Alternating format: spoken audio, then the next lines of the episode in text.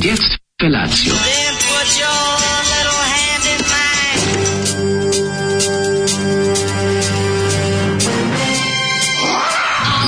Grupa rozvojenih mladića teči po studenom vazduhu pre zore. Alarm! A ima da kane, nema problema.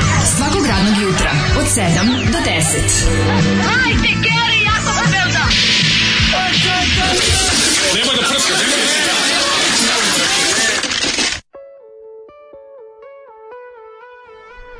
E,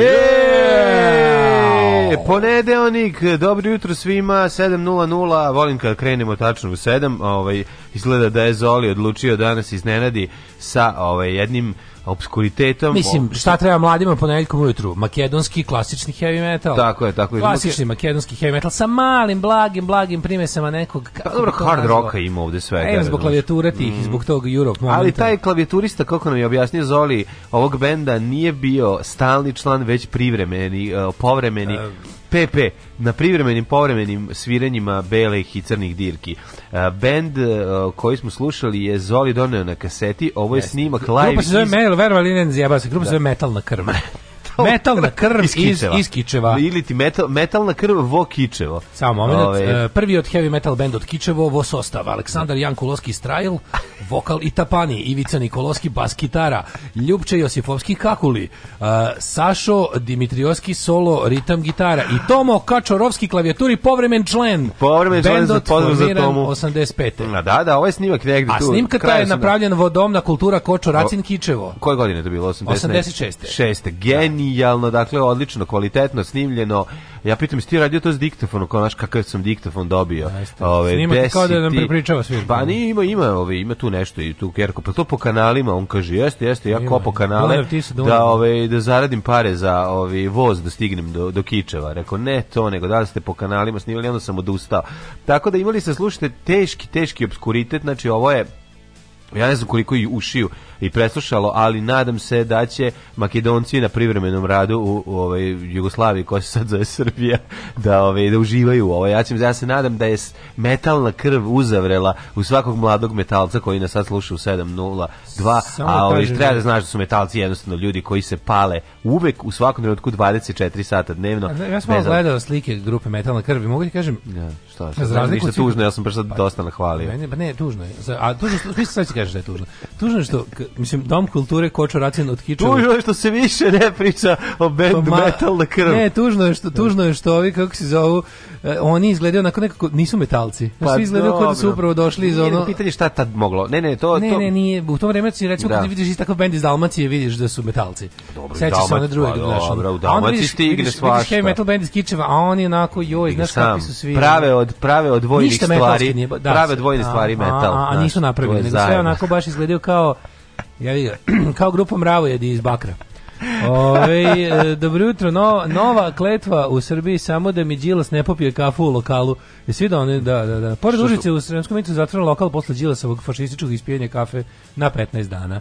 Da, i nemoj se ba, došli su da, zato što... znači, ne možeš da veriš, baš A, u jebote, ono, ne, pa ovo je potpuno ludilo. Pa ta malo mesto, razumeš, mali mestima se najgore stvari dešavaju, kaže, da nije, kaže, da nije Zoli slučajno da te kasete vadio iz njegove kutije koja se zove YouTube stranica Metal u Jugoslaviji.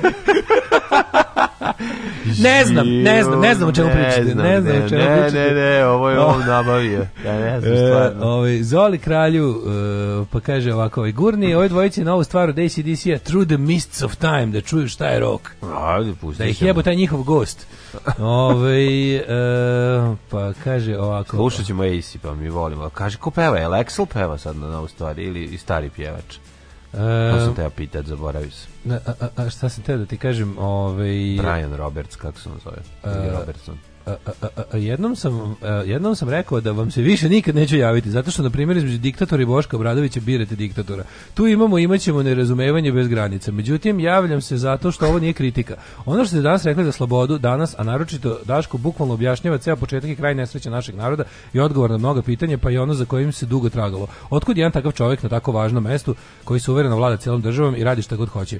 Isekao sam to što ste rekli u 8 minuta, poslao kome treba da čuje, a ako me neko pita ikada ponovo ponovo zašto sam faktički prestao da dolazim u Srbiju, poslaću mu to. Ljudima koji tamo žive uglavnom dobro, ne vidim ni malo besa u njima i ne želim da kvarim njihov mir.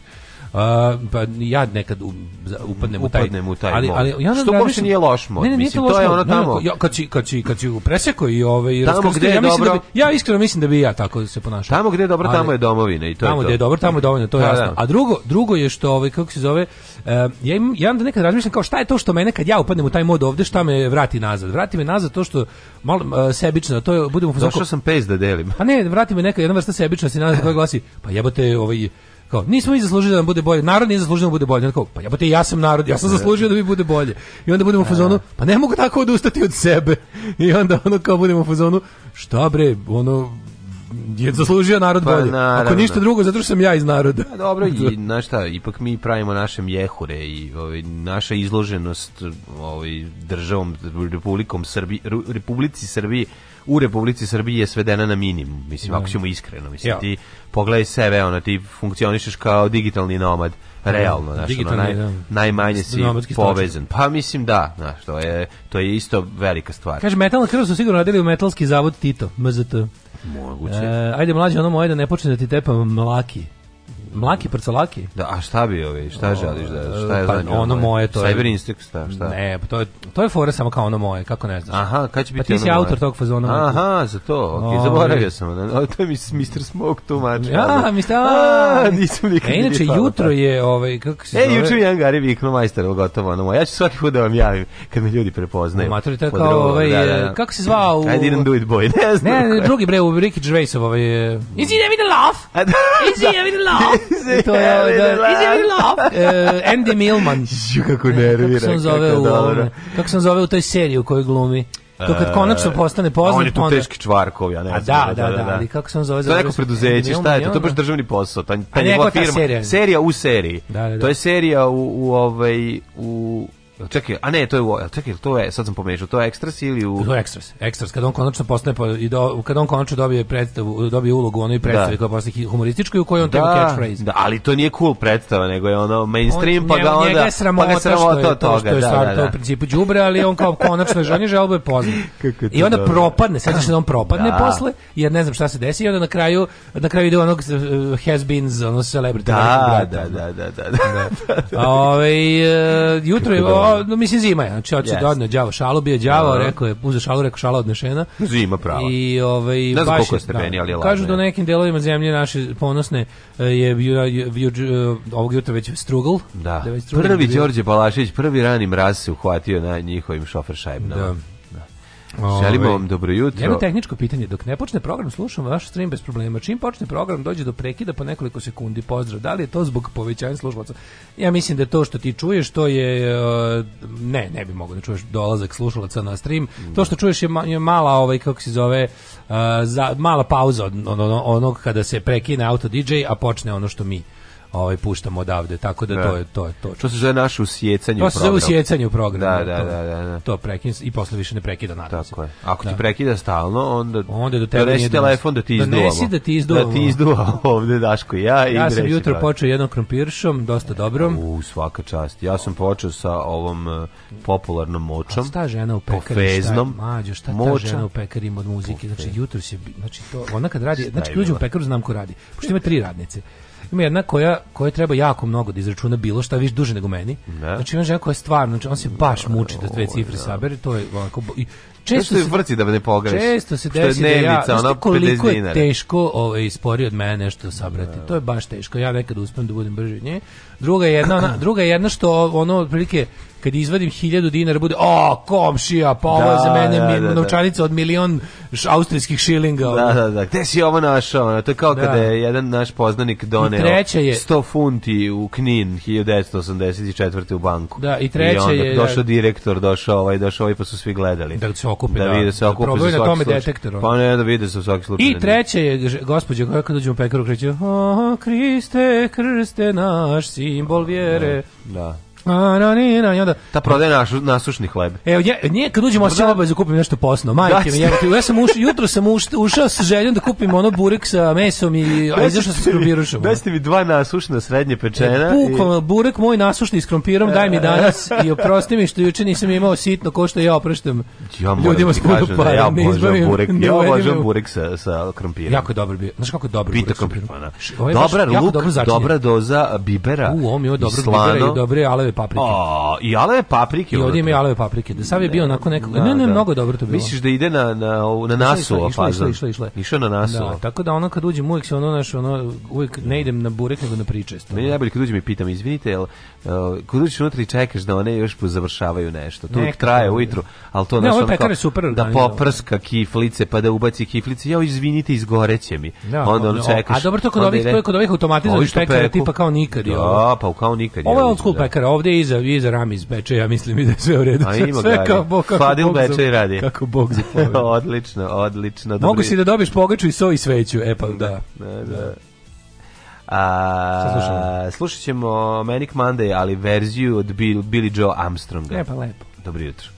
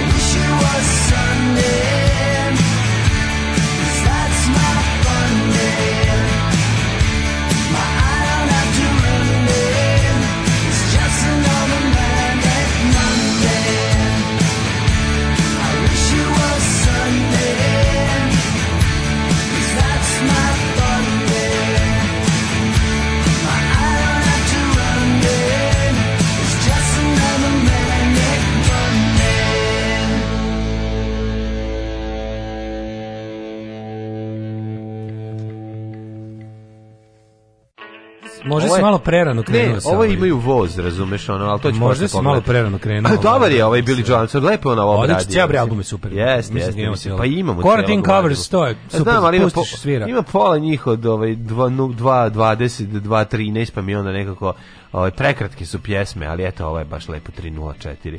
Za ovaj- ponedeljak da se razmrdamo za ovo ladno jutro. Um, kaže, mislim da je slušalac mislio na pucanje strima kad krene govorni deo, svako jutro bude malecni prekid od nekoliko sekundi. E vi što već ne znamo, to ne možemo da. da znamo, jer znate, mi smo ovdje i ne možemo da se slušamo. Ne Ali, znam, da, da, da, da, vidjet da. šta je. Pa to da smijem ko ne čujem, to je da. moguće kod streama. Da, zašto to, to je samo do streama, znači to, da, to je, to je samo do streama. Onda moguće da pogledajte ima... film Život sa streamom. Život sa streamom. Da, da, da. Onaj dan jutro na Pinku ide reklama za vakcinisanje, sve okej, okay, onda se završi reklamni brok i prvi gost Nestorović. E tako pa funkcionišu stvari. A to je stvarno je, pa jebanje lađenje. To je to je tako šizofreno, da da da, da, da, da. da, da, da, da. Prvo, što bi rekla Alka Vujica, prvo me pališ pa me onda hladiš.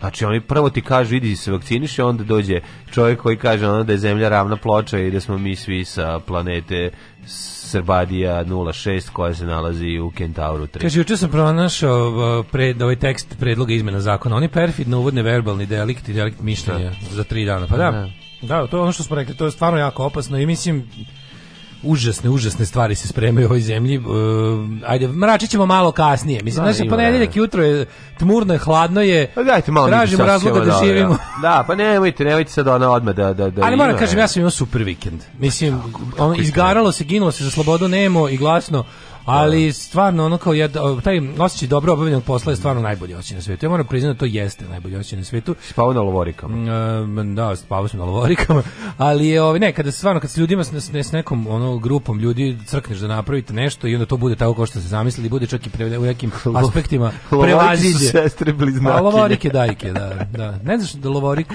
i Kako ne znaš lovorike, to su dve sestre, prezime se lovorika. Eleonora i lovorika.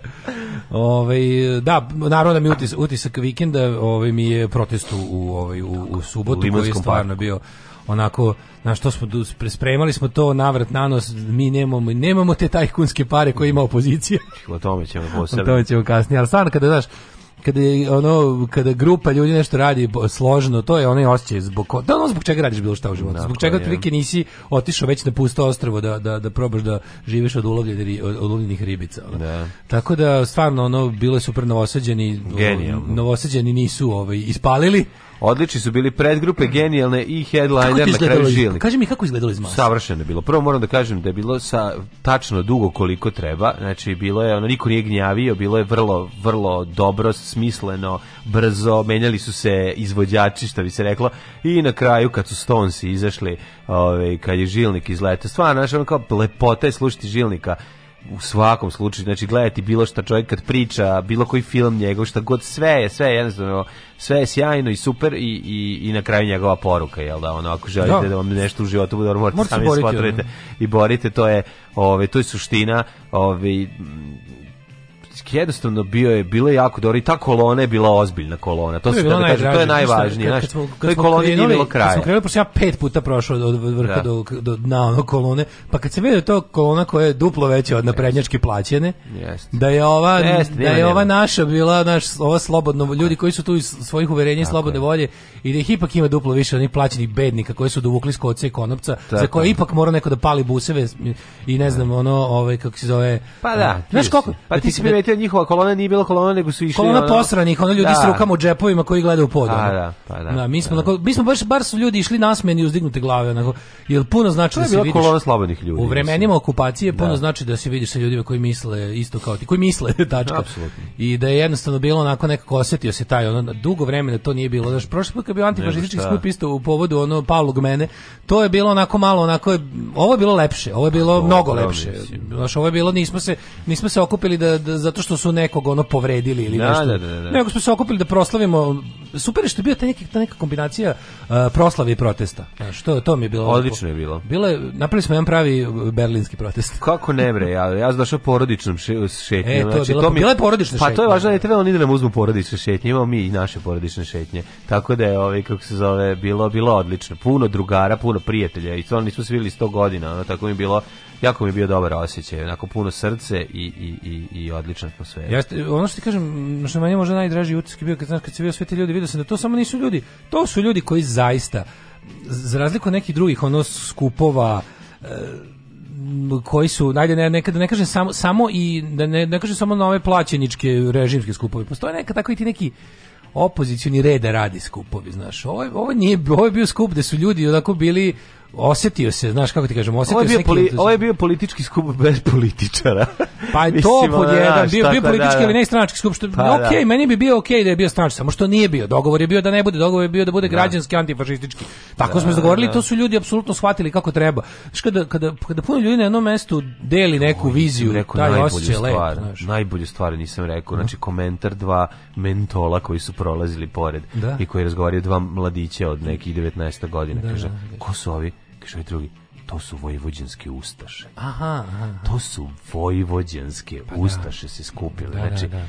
jevo te, ono ko pomisliš, pa e, je evo ovo Dobre, ovo je bilo mladost. bilo je mladih ljudi hvala je. Bogu ba, bilo je bilo mladih, bilo je, bilo bilo matoraca matoraca matoraca do do da. klinaca što kažu 20 godina tako da to stvarno bilo, davno bilo. nisam video bilo mi onako znaš osjećaj da je sve proteklo kako treba jer znaš to je ipak bio ono iako, iako, iako izlaziš tu da pokažeš zube ono ljudima koji, koji ovaj, kako se zove, eh, rade to što radi, ipak si, ipak si želao da tog dana i tada to, da. to prođe više u nekom ono, na što nekom poletno simboličnom mir, mir, miroljubivom tonu ono, znaš i, i onda mi je zato drago što je tužno, tako prošlo. što je dan ono, oslobođenje Novog Sada. Ono, Smo proslavili mi. Pa, ono, Ili... pa da, preslaviš taj dan ono kao ono pobunjenički neki praznik. To je Žilnik, naj, to je Žilnik najlepše rekao. Idiotluk, to je Žilnik najlepše rekao. Kaže, ja, sam, ja u vašim, god, u vašim pa, da. godinama je ovo bila svetkovina na gradskom nivou, pa kada je da. bukvalno ono, ono kao čak čak si bio i malo otprilike čak si bio i malo cool ako se ne ložiš jer jer su se svi ložili. To pa je onda razumem bio hipsterski moment. Ja onda da. razumem taj moment da kao da i ljudima išlo na kurac. Ne, bio hipsterski moment da čak, a da. danas kao svi ljudi koji nešto danas je ono otprilike obrnuto. Je, pa da. I onda kao naš proslava oslobođenja od najvećeg zla u istoriji je nešto što je grad kao organizacija s čega se stidi i sklanja i onda to rad ljudi od svojih para vremena i svoje snage organizuju, znaš. Ali, znaš, hoću da vam kažem, organizovati sve je, sve je u, u, organizaciji, u zajedništvu, u ljudskoj, kako ti kažem, u ljudskoj organizovanosti i želji da se postigne zajednički cilj. Jer ako baš hoćete da, da. znate iz srca same organizacije, znate koji su bili vaše novčani, što se kaže monetarni, oni oni novčanicama plaćeni troškovi subote. 6000 dinara, to je koštalo 6000 dinara. Jedino što smo zaista zaista morali da platimo su dva licencirana čoveka iz security agencije što moraš po zakonu. Da, znači njima smo da. morali dati dnevnice po tri soma. Ali da, verovatno njima smo morali dati dnevnice da, da, da, da tu budu bio tako takav je zakon. Da, da, Kad da. praviš skup sve ostalo što ste ono tamo videli što trebalo da se organizuje, oni oni propratni neki materijali odštampani, oni kako se zove uh, sve ono što je napravljeno, mislim, nije se bilo kako gradilo. ali sve je poslu, da. nije donirano, to su ljudi napravili svojim rukama. A to da. Znaš, jeste bilo onako stvarno je bilo low fi, ali nije bilo je lepo, bilo je dobro organizovano, bilo je zategnuto. Bilo dobro sve. Stvarno je bilo kao da su znaš, i znaš što je još dosta tužno, bilo je organizovano. Bilo je dosta berlinski je bilo. Bilo je da, dosta berlinski, znači kvalitetno, kvalitetno se čulo, dobro se videlo, bilo je lepo organizovano, sve je bilo onako nekako uh, to je sve rezultat kako ti kažem složnog rada ljudi kojima je stalo da se to desi. A drugo je što ovaj što je tužno s te strane kad pogledaš čoveče organizovana politička opozicija za koju bi trebalo da stoji neki kako ti kažem neke financije nešto Čovječ, meni, meni je grozno što trenutno u Novom Sadu, ja ne znam koja opozicija stranka može da, da, da napravi tako nešto. Pa meni, je to, meni je to baš strašno. A pa to, mi, da. to nije dobro. Pa naravno da nije dobro. Đilasova stranka bi trebala da to može. A ne možeš kad Đilas dođe u svoju stranku, popije kafu i onda i zatvore mu stranku za dve, na dve nedelje. A ne, ali stvarno, nije, nije, nekako, nije normalno da stranka čovek... Mislim, taj, to, znaš što to znači? To znači da oni ne rade dobro. Znači, taj čovek ima novaca da napravi bolji, skuplji, bolje producirani skup. I, da. Znaš, i, i, da, i, da ga, I da ga fair and square prijavi je dobio dozvole, znači da sve... Mislim, mi smo to sasvim ono, kako se po zakonu radili. Ali mi zna, i to to bi morao da dobije bilo kao pa znaš. Jeste, ali ti znaš da, to da, ti znaš da ti znaš da ova ideja bila nepopularna, da ova trenutna ideja i zato nepopularna. Pa, zato kaže, zemlju naš, kojoj živimo. Da, da, da, a pa- političari pa, ne rade nepopularne stvari, mislim pa ono. Pa ne, ali brate mili, pa, govorim, govorimo čisto o logistici da jedna takva organizacija je, naš on ipak trebalo bi ima nekakav utisak da on mislim, okej, okay, znaš, neću da se priključim narativu o režima Đina Siva milijarde da, da. da. koji ukrao narodnog, ali on jeste bogat čovjek. Je. Pa naravno da je bogat. On jeste bogat čovjek kako god da I onda kao ako, i onda mi je malo neverovatno da da bogat čovek malo ako ako nek mu je ta stranka i hobi, nek malo više potroši na hobi jebe u materom. Znaš, Ej, nek, po, nek potroši, da. nek potroši koliko, e, ne, znaš kako, nek potroši ne. srazmjerno tome koliko ja na ploče trošim. Da. Znaš, mislim, pa da, prilike, ono, da, da, odnosno da. koliko ja imam, koliko dajem na ploče, da ako bi on dao toliko. izvedi si što ima, ono što mu a, ostalo od kusura. Mislim, znaš, ono mi tako krivo, još vidiš da, kao da su zaboravili malo to, ovaj, kao da su, sve, kao da su e, svoj aktivizam sveli na, na pisanje, stvarno sad znam to kritika koja je ono, ali kao, kao da su sveli aktivizam na internet. Ljudi mora se malo da. izaći, videti se, pogledati se ljudi znači mora se da. malo, malo se mora, malo se mora smrznuti ruke i noge, malo se mora dobiti upala mišića, malo se da. mora ne spavati, malo se mora izlaziti na kišu, malo se mora trošiti benzin, eh, tegliti, vugliti i ostalo, mislim mora to ako hoćeš nešto, verujte mi. I, I, ne možeš da kažeš ovo, znaš, u fazonu ovo sam ja sad prevazišao, brate, mili nisam ništa prevazišao. Ja znam da u svom ono e, dijalektičkom razvoju mladog uh, community lidera ja i dalje radim bilo koji posao kad se kad se organizuje nešto. Dobro, to je mali problem. Tu treba sad ti malo da delegiraš. Ti moraš biti delegat. Ja šta da radim? Ja i dalje verujem u zamnom. Naravno ne, trebaš, okej, okay, za mnom, ali kažem znači, ti. dalje verujem u zamnom, trenutak ne, kada će tvoji jadni zglobovi potrošeni od drk, od nošenja da. ovih velikih od drkanja sa onim ogromnim akumulatorima koji si nosio kao da. dijete pa ti istrošilo. Ove, ti ćeš na kraju, ove, mislim, kako ti kažem, jako je važno da, da ti si sad već starac, ti si sad već Vladimir Nazor. Da. Razumiješ, treba da ideš treba da jednom da kravom, kravom, krava da. i bicikl ili već Ne, to se nikad ne desi. to mi je, to mi je jasno da, da, da ali, ono, ali, ali, ne, hoću ja kažem, meni je žao što to niko, što, kao, što ispade da znaš, samo, nemoguće mi je da mi iz te, kažem, ljudi koji nemamo te političke ambicije u klasičnom smislu, koji smo tu bukli stvarno, mi smo ono socijalni aktivisti, ja antifašizam ne doživljavam čak ni kao političku, kao ideologiju nego više kao neku socijalnu dužnost. Tako je. Znaš, i da, da takvi ljudi imaju više... je da- stvar kućnog vaspitanja. A i to, da, da, da.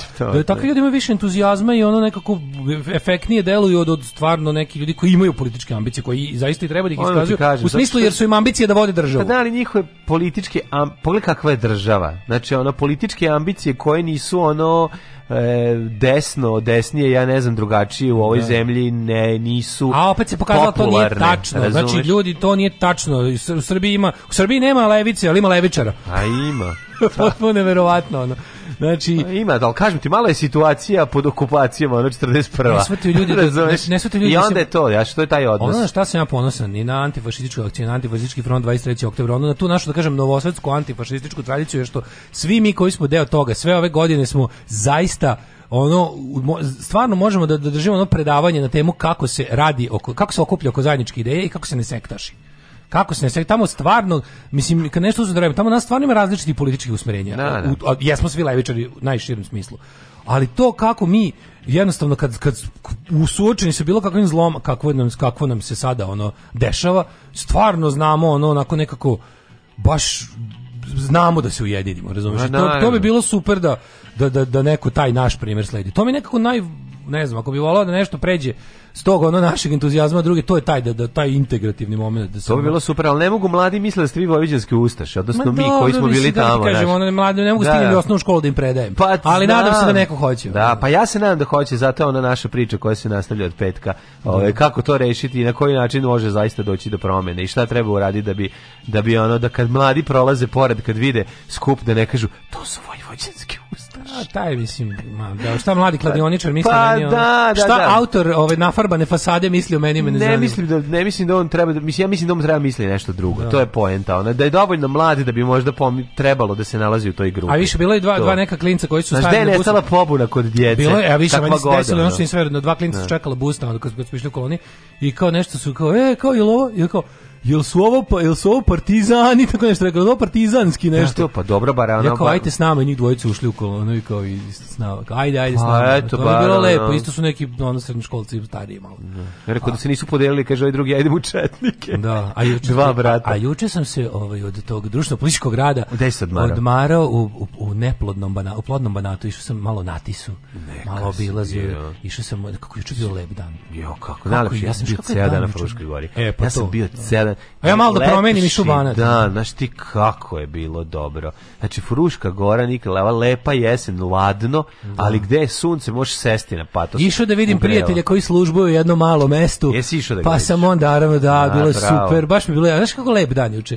Da. Išao, znači, prvo, prvo, prvo, prvo se izrazgovaraš sa prijateljem, pa onda odeš na Tisu koja tiho, sporo teče i gruneš da. riblju čorbu i svinjetinu i onda ovaj i onda znaš šta radio gušteri se sam na klupi dok sunce nije zašlo iz drveća pa, to je lepota imaš crnu jaknu pa ti lepo usisa da da da, da sediš kad ti da. piče pazi mi smo znači i gore Fruška gora oko Zmajevca Aha, skroz ono sam vrh na tu stranu posle išli u Karlovce znači ceo dan djeca bila na polju trčala juče bio dan za stvarno juče bio ono tako nekako bio kao smislio sam uh, naslov za, za ovaj, kako se zove, film, kratki uradak film, Posljednji dan jeseni. Lepo, onako prelazi u zimu. Ne, ne, Tako ne, sam posljednji dan homojskog leta. Pa homojskog leta, da, da, da. Pošto da. bi se, da rekao sam sebi kao garant sutra biti jako ladno. Ovaj dan mi izgleda kao, ovaj, kao dan velikih talasa. Kaže, sutra idemo, opet, idemo svi u Vijetnam. Idemo opet protesti, 2 od 5 miliona. Kaže, skup bi bio i efektniji da nije bio prijavljen. Pa bio bi efektniji, ali bi, ono, kako da vam kažem, ovaj, želeli smo da se održi. Bilo nam je važnije da se održi nego da ovaj nismo dali ni razmišljali smo naravno o tome. Bilo da. je bile su bile su dve. Ja sam ja sam čas bio za to da ga prijavimo, čas sam bio da ga ne prijavimo. Ali volim što je ovako bilo, jer ono kao, bilo nam je važno da u ovom dugo nije bilo, bilo nam je važno da, da da se ljudi sretnu po svakcu, makar makar i ono prijavljeno. Ali Znam, moram da isto da budem moram ono, da budem pošten. Znam da je neprijavljena proslava. Moram da budem pošten ono, da oslobođenja Novog Sada od fašizma. E, to nam je bilo, pa to nam je bilo. Mi smo bili u fazoni neće nas smeti odbiti ako kažemo da baš kao biće stvarno isto kao što je bilo. Znaš koji je bio momenat? Možemo o tome kasnije, ali da. najluđi moment je bio Ovaj, aj pričamo da ajde, ajde čujemo, da, da, da. se da. da čujemo malo muzike pa posle ćemo. Ajde, ćemo slušati Iggy Pop Đujića. Naravno, ajde. Alarm sa mlađim i Daškom. Alarm svakog radnog jutra od 7 do 10. Alarm.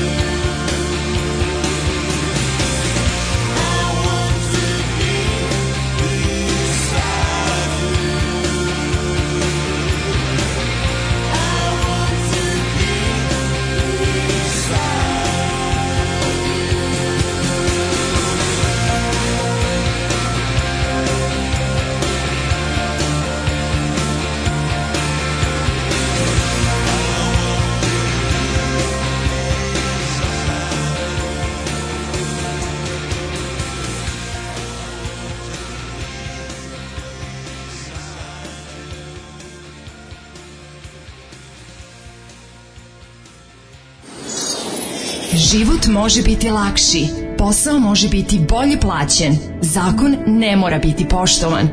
Srpska napredna stranka. Učlani se još danas.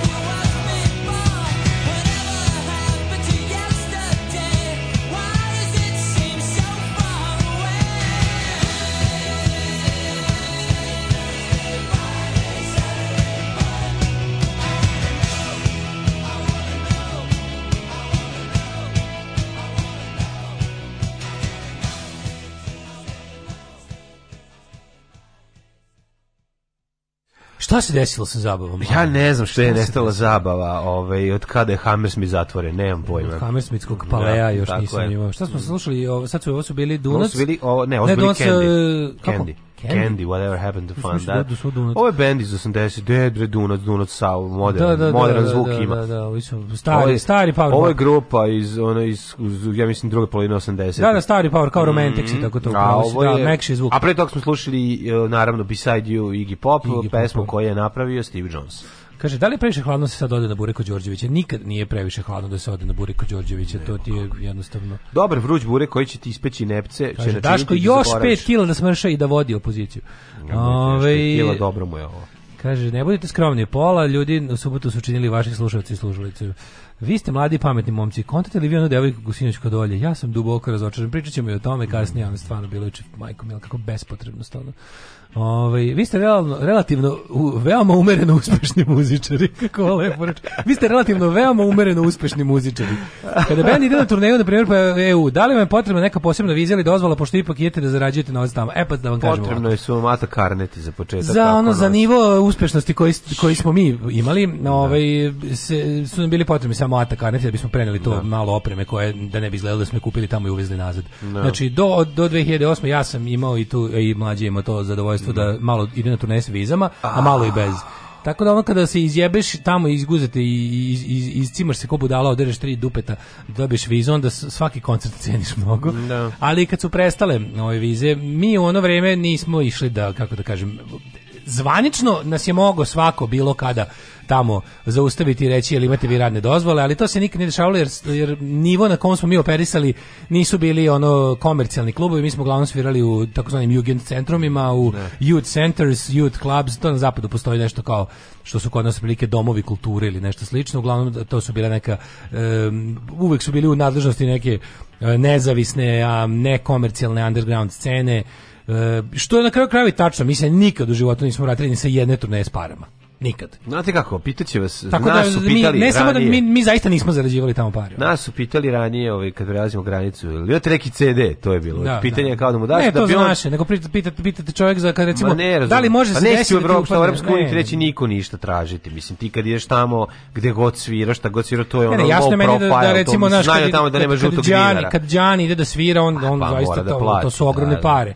A ovi znaju da je ovde otprilike ono kutija za donacije da bendu da bi, da bi stigao do naredne svirke. Mislim, ako bu, evo, ako, vidi, ako bubnjar ovaj, može da tamo naj dobije činela i sve to drugo, ako neće nositi sve svoje, a vi nosite samo gitare kao lični prtljag, možda možete da se provučete i, sa, i samo Ne, ne, tako. treba ti atakanat zbog, zbog povratka, znaš, ono, da, da... Pa znam, ali ti možda nosiš svoju gitaru, meni niko nije tražio atakanat, išao sam u Berlin, mislim, nosio gitaru. Kad je, kad je nije bol... mi ono... Viš, ono... tu bukvalno nema mi smo ga uvek vadili. Znači, pa ne, okej, okay. druga stvar, da, da, da. kad nosiš vadili, pedale, kad nosi ne, iz, činele... Ne, iza gitare smo vadili samo, znaš, imali smo... Nosi, zavisi kako, kako si išli, kolima, da, ako ne ideš kolima, kad, kad išli avionom, isto smo vadili. Isto Boga mi, tad smo morali više zbog ono...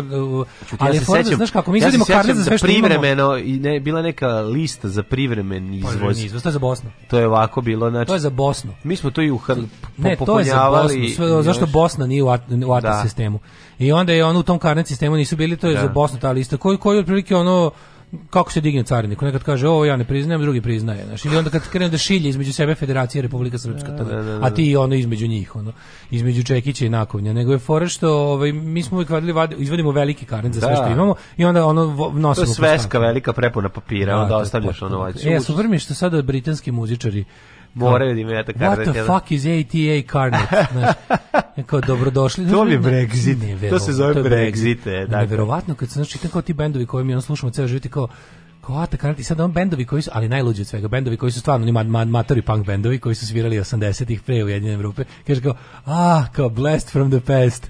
Mislio sam, ako sam išta mislio, kao da znam, kaže Mensi iz Abstrca, kaže, ako sam mislio da ako sam mislio da više nikad u životu neću videti, to, je, to su ovi zeleni e, i žuti papiri da, i da, beli. Da, da, I da. kaže kao, je, i ovo moguće? Kao, a što je najluđe, ovo i dalje isto izgleda. Pa da. E, kao, samo je kao čekalo je u mračnom uglu prošlosti. Da se kaže, pojavi. Kaže, to come back, just like fascism. Čekao je u mračnom uglu prošlosti. Ne, da me opet, da opet on skoči. Se sećaš kad su nam dolazili neki ovaj bendovi kao iz inostranstva, pa ti organizuješ malu svirku, oni stižu, ona i onda kao nisu ušli pre granice, zašto bubnjar zaboravio pasoš. Znaš, ono, to, to, da. znaš, ovo svi ne, to kako smo mi ovde radili Pa kad mi ovde radimo, zato ti da. kažem, da, da, da, objasnimo, kako, da objasnimo slušalcima i slušalicama kako izgleda život u Evropi. Da. Gari sedne i vozi se i svi razvoda i ne nosi ništa. Kao Ben neće što je bilo zadružen, znači, pa ja krenem, da. mamu im jebemo. Kaže, ne, ne, ne, ne, ovo je ovaj zaboravio Nije mamu im, ja nisu ništa krivi vaši, šta je bilo kao, bubnjar nije pa ono pasoš, nije znao da treba, oni svuda puta da, da, svuda, pa da. Ja, ja, i onda ja sam, mi smo jako bili besni te stvari. Znaš šta, znaš šta, od, da. od braće punkera očekujemo više. Da. Znači, vi znate da smo ovdje odrali dupe da vam napravimo tako svirku tako je, i da ćete dobiti sve što smo se dogovorili. Mislim, va, ja, ja znam da kao, znaš, ja znam da bend koji svira za 500 evra negdje u Evropi, da je to minimum, minimum, minimum, ali ovdje dati bendu 500 evra i da, ti treba da se, da se odvališ od pa muke. I onda on te, i on, i ti to sve da što si napravio. Da, ne, mislim, karata, mislim, karata ne zaradi. Da e, znači, ni jedan bend u, organizaciji koju sam ja i moji prijatelji svirke svaki bend je dobio ono što smo se dogovorili. Nikad Naravno. nikog, nismo za to, da. evro jedan zakinuli ono. To, Makar naravno. prodavali stvari po kući. Da, da. Ali bila je varijanta, ej, ako nije znaš kao, ako sam rekao su ti pravim svirku, dobićeš ono, jer znam najbolje znam šta znači da negde ovaj ne dobiješ ono što ste se dogovorili. Da, A nama se dešavalo na da nas neko ispali. Kako? Znači on kao dogovorili smo se 400, dobili smo 250. Da, da, I onda to znači da ćemo, to znači da ćemo jesti grisine i da ćemo ono ej, bre, užas. I da će ono otprilike da imamo knap benzina do sledeće svirke, jebiga. ga. Ovaj ajmo u prošlost. Ajde.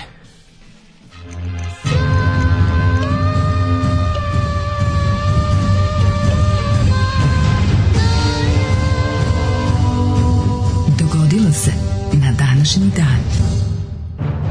E, ovako da vidimo. Danas je 25. oktobri e, 2021. godine, teška budućnost moj dale. Ovaj pa sam teo da te pitam, si razmišljao s obzirom da je za 67 dana ostalo do kraja godine, gde ćeš za najluđu noć? Pa za najluđu noć sam mislio da ode malo u Grčku. Ej, dođi, dođi u Grčku. Hoćemo da odemo u... Uđi u Grčku, dođi, do, da, dođi. Termofori, kako se zove? Idi u termofori. Idi na parastos. Per, permafori, da. perhofori. Oj, tako se mislio možda. Nešto nije loše. U Grčkoj bude, ja lepo, odiš u Grčku za novu godinu, bude 11-12 stepeni. To. Lepota, tako isto ili Kotor ili ne znam. Ili Kotor, ili Kotor, Kotor Varoš. E, kad smo kod najpoznatijih stanovnika Kotor Varoš i, slušaj ovo, mm. u subotu sam nažalost bio sprečen da dođem rokovnik me zajebo, imao sam neke obaveze davno isplanirane, ženja. Ženja, a prevario ga rokovnik. Bog otac.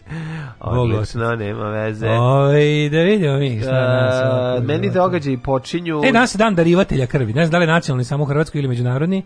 Da. Budite to. S ponosom ističem svoju Tako, dobrovoljni da, davalački da, staž. Darivatelj krvi. 732. godine. Pravnički vladar Karlo Martel u bici kod Potija teško porazio omejitskog halifata i time definitivno zustavio njihov dalji prodor u zapadnu Evropu Oni su, boga mi, stigli... Oni su zbog te bitke dobili, zbog tih poduhvata protiv da. Saracena, dobio nadimak Martel, što znači Čekić. Čekić, da, da, da, da. pa ne pazi, ali ovi su, pazi, to je 732, to su počeci osvajanja, to su stvari možda i njihovi zapravo najveći pik osvajanja, ali oni su prešli ovaj Pirineje ušli u Francusku, to je već ono naš kobe. Da to najluđi? Tu je to to je to to znaš ko tu te bit te bitke su se vodile već na francuskoj teritoriji. A što mi nije jasno, kako moguće da islam koji u tom trenutku ne postoji ni 100 godina je već toliko ono kao Pa zato što iz Afrike je prešao. Mislim, pa znam, ali kao, on, iz... ono kao religija ne postoji tu ni 100 godina, malo te 732. Da. On je, znaš da je, on islam je pa, da, 7. veka. Da, ovo je 8. Pa, pa, da već je... tako u pičku bio, pa, ono, dobro, da, se, da već toliko zaživao u, u, u ljudima, da, da, da ljudi,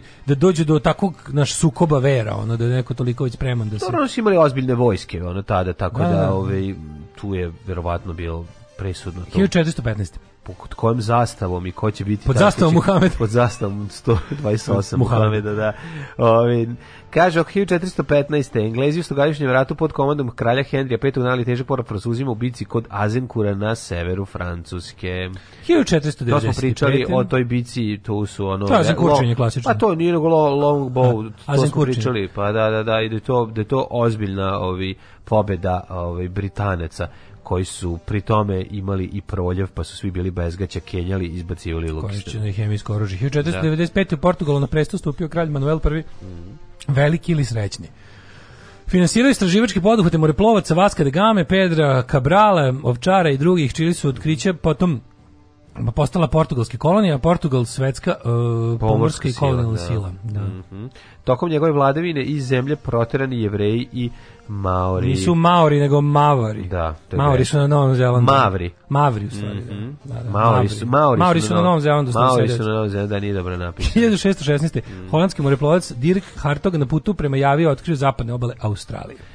A, ovi su ladno piše na ćiriličnoj jevreji i maori. Kako to može da se ispravi? Ovi... Pa evo, sad će neki da. slušalac Wikipedia. Koji naš Wikipedia? ti ispraviš Wikipediju? E, ispraviš, e, nekad, ne, e, pazi, ispravio sam Wikipediju. Nisam nikad, evo, ništa, dodavao Istorija da moja ispravljena Wikipedije.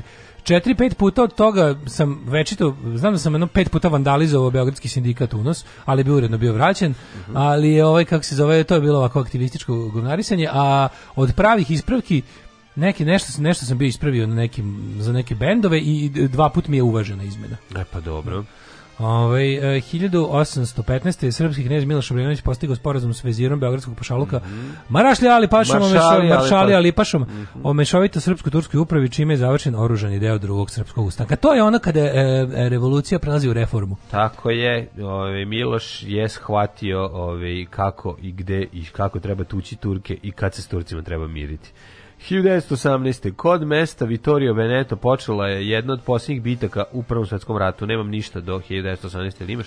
A, nemam to Vittorio Veneto. Onda imam... Koja je e, ovaj, e, završena je... 3. novembra pobjedom Italijana nad već dezorganizovanom austro-ugarskom vojskom. 1929. Slom Berzo u Njurku, početak velike depresije. To je bio mm -hmm. crni četvrtak veše. Ili ponedeljak. A pa danas je ponedeljak. Da, da ne mora znači, ali mislim je crni četvrtak, Black Thursday. Pa bio je neki jutorak i četvrtak, tako nešto. Ne bio i... Da, crni, crni crno nešto. Je da, da, da. Možda i utorak. Ove, 1936. vlade Nemačke Italije potpisala tajni protokol uzemne pomoći kojim je formiran seminar Rim Berlin. Kao 40. se priključio i Tokio. 38. je Libija postala deo Italije. Da, to smo rekli. Koja je stazala Tripolitanije. Mm -hmm. 1944. prvi put u drugom svetskom ratu koristi se napadi kamikaza. Da, to je, ovaj, uh, bilo je ovako, da se razumemo, bilo je pojedinačnih tih gotovo samurajskih ono E, sa kamikaza napada ubilački, kada bi da. recimo da. kada bi odgojen takav tako kako jeste pilot japanski smatrao svojom čašću da mora da pokuša na bilo koji način da ošteti neprijatelje pa ali znači to nisu organizovane kamikaze organizovane kamikaze kao gotovo zvanična vojna formacija odnosno kao Tek, taktika kreću, kao da. taktika ove ovaj, japanske armije počinju tek kada kreće teško nizbrdo a to je 44 naravno tako. oni nisu bili ludi da bacaju aj neko ne, ne, toliko ljudi koliko avioni jer ipak taj svaki avion ne, oni nisu imali pilota više nisu imali mm, sredstava. Da, nisu imali više ni aviona, ti da. avion, ti zerovi koji su poletili su bili od drveta, mislim, mm. i to je mm. bilo napravljeno samo tako da bude pa 44. su bili ti, ti avioni su bili ovaj prevaziđeni u da, smislu su bilo da čak, američki avioni bili puno bolji. Kamikaze bi poneo sa sobom ono bukvalno kanister ali, benzina, bombe, ali 41, ono eksera. Da, ali 41. boga mi Zero bio izuzetno no, zajban avion. Da, to nije to ni to više nije Zero iz 44. Iz 44. je bukvalno svi kako su gledali. To je bilo. Pa ali bez obzira ovaj ovaj prebaz kao što ti kažem da su se da su se u tih na 5 godina rata jako razvili. Toliko razvili, znaš da sti imao američki vojni na početku i avioni na kraju američki najviše. američki najviše, da. znači američko vazduhoplovstvo je napravilo najveći napredak da od početka rata njihovo vazduhoplovstvo je bilo onako, mislim, da. na, čak i, i broj, to je bilo, to, to se čak nije zvalo Air Force, zvalo se nešto Air Core ili tako nešto, nije imalo čak ni nije čak bilo ni ono što bi se rekao raspoređeno na celoj teritoriji Sjedinjenih američkih država i onda nakon Dobro, već oni su počeli, nisu oni baš dočekali ono skroz, skroz, skroz, skroz spušteni gaće Pearl Harbor, da.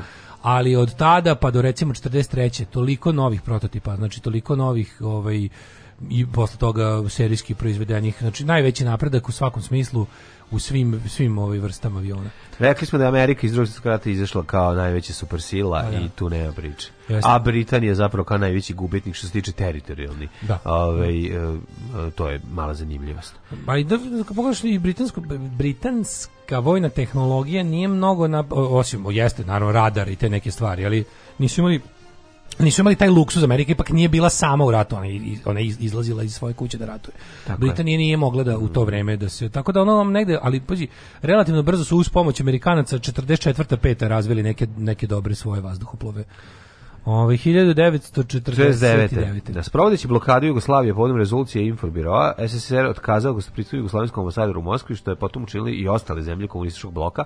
Blokada trajala do 55. godine, 53. Stalin preminuo, ali još dve godine trajalo Ove, dok Rusi priznaju grešku. Dok Rusi nisu došli da se izvine Titu, a da ih ovaj 56. Da Egipat, mm. Jordan i Sirija osnovali jedinstvenu vojnu komandu radi koordinacije odbrane od izraelskog napada kasno, braćo kasno. Da, da. 71. Generalna skupština jednih nacija odlučila da primi Kipar u svetsku organizaciju i da isključi Tajvan. Mm -hmm. Valjda Kinu, a ne Kipar. Uh, Kinu, bože, ja sam baš pročitao da, da, da. Kipar, da. Kinu. Kinu i Tajvan. Mislim, Kipar i Tajvan malo Kipar, nisu, ne. A, zato što, znaš zašto sam pročitao? Kad sam u jednih nacija, u glavi je bila Evropska unija, pa onda da, Kipar, ona priča, znaš da Kipar mimo svakog protokola i pravila Evropske da. unije prijavljen kao podeljen da, država da, da, sa nerešenim, to je jedini primjer da je Evropska unija država koja ima ono disputed teritorij, koja ne zna zapravo, ima jedne granice unutra, a drugi je s polja. Da. 1983. Vojska Sjemičke države okupirala Karibsku ostrovsku državu Grenadu, pošto su levičarske snage izvršile državni udar. Da. 91. posljednji vojnik je ono bilo, je ovaj rat bio da, Clint Eastwood, ono, u ono vojničine, jel da? da aha, aha. Da, da. V, e, posljednji vojnik je ono napustio teritoriju Republike Slovenije. Mm Formirana prva bosanska oslobodilačka brigada 93. 1900 umalo ne nekako proletarska. 1995. ovaj na osnovu sporazuma Izraela i palestinske oslobodilačke organizacije u palestinskoj samoupravi izraelske trupe počele povlačenje iz Dženina na okupiranoj zapadnoj obali. Uh, da je 10. u Beogradu otvoren 55. međunarodni sajam knjige, ove godine ga i opet neće biti. Neće biti sajma. A morat ćete snajesti negdje drugda. Alarm. Evo ti tvoje gospe sinske. Muči sreće. Svakog radnog jutra Alarm. od 7 do 10. Alarm.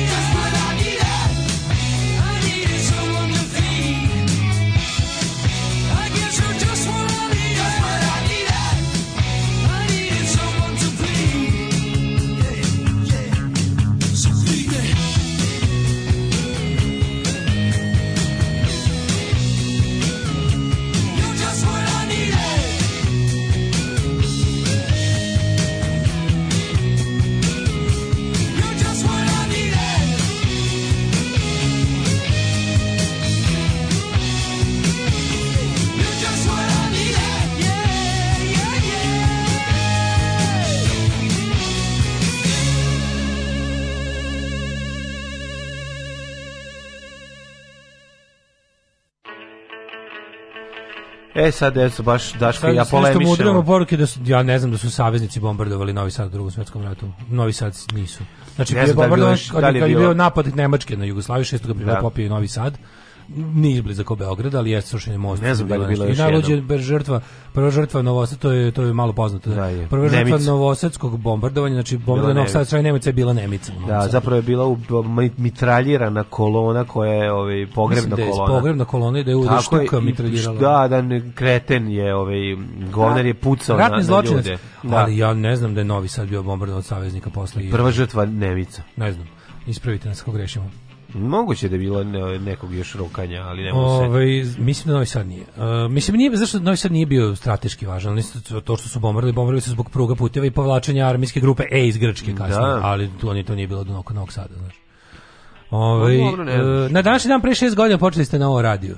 E, to je hroničarstvo. To su bravo, svaka vam čast svaka kako čast. ste se osetili. Jeste, ovaj, bilo je bilo je prijatno na da ovom radiju, volili smo tu atmosferu i Kaže islam se proširio isto kao i komunizam u svoje vreme. E, ovaj e, videli su ljudi nešto bolje i napredak u tome u odnosu na šta je bilo. Pa, jeste, jeste. Ja. Da. Ove, ovaj, e, dobro jutro legende, sad sam ustao. Kaže, ne znam šta vam bio petak, ja vas slušam kao terapiju. A ne bi volao da mi zbog vas treba terapija. pa dobro, jednostavno tako što... Evo, da povećat će se Patreon. Pa dobro, ljudi, mislim, e, da, ono... Da, mi, smo napravili taj, mi, smo taj, mi smo taj igrokaz i napravili da biste vi pojačali Patreon. Da, da. A mislim, šta, to vam je, da ćete bolje dokaz da ovo prava i ono, prava, živa, poštena emisija u kojoj se pošteno razmenjuje mišljenje. A ljudi kad razmenjuju mišljenje bi popizdeju. Pa naravno. Mislim, normalno je da se ljudi, ono, sporečkaju, ali i posvađaju, ali, da. ono, normalno je da se pomiraju. Tako je. Ove, ovaj, um, Koliko bilo je ludilo Japanaca u drugom svetskom ratu događaj na Marijenskim ostrima, kad su nakon poraza Japanske vojke ostaci odreda krenuli da se kriju sa civilnim stanovništvom po pećinama. Yeah. Da. Bilo dosta žene i dece, da, to je ono što čuveno kad su skakali. Ima ti snimci. Da, zašto je bila dominacija velika. Znači, mm, ono kao, pa da. nisu trebali majke da i po svaku cenu učitko, jer ako otkriju američki vojnici sve će biti pobijeni.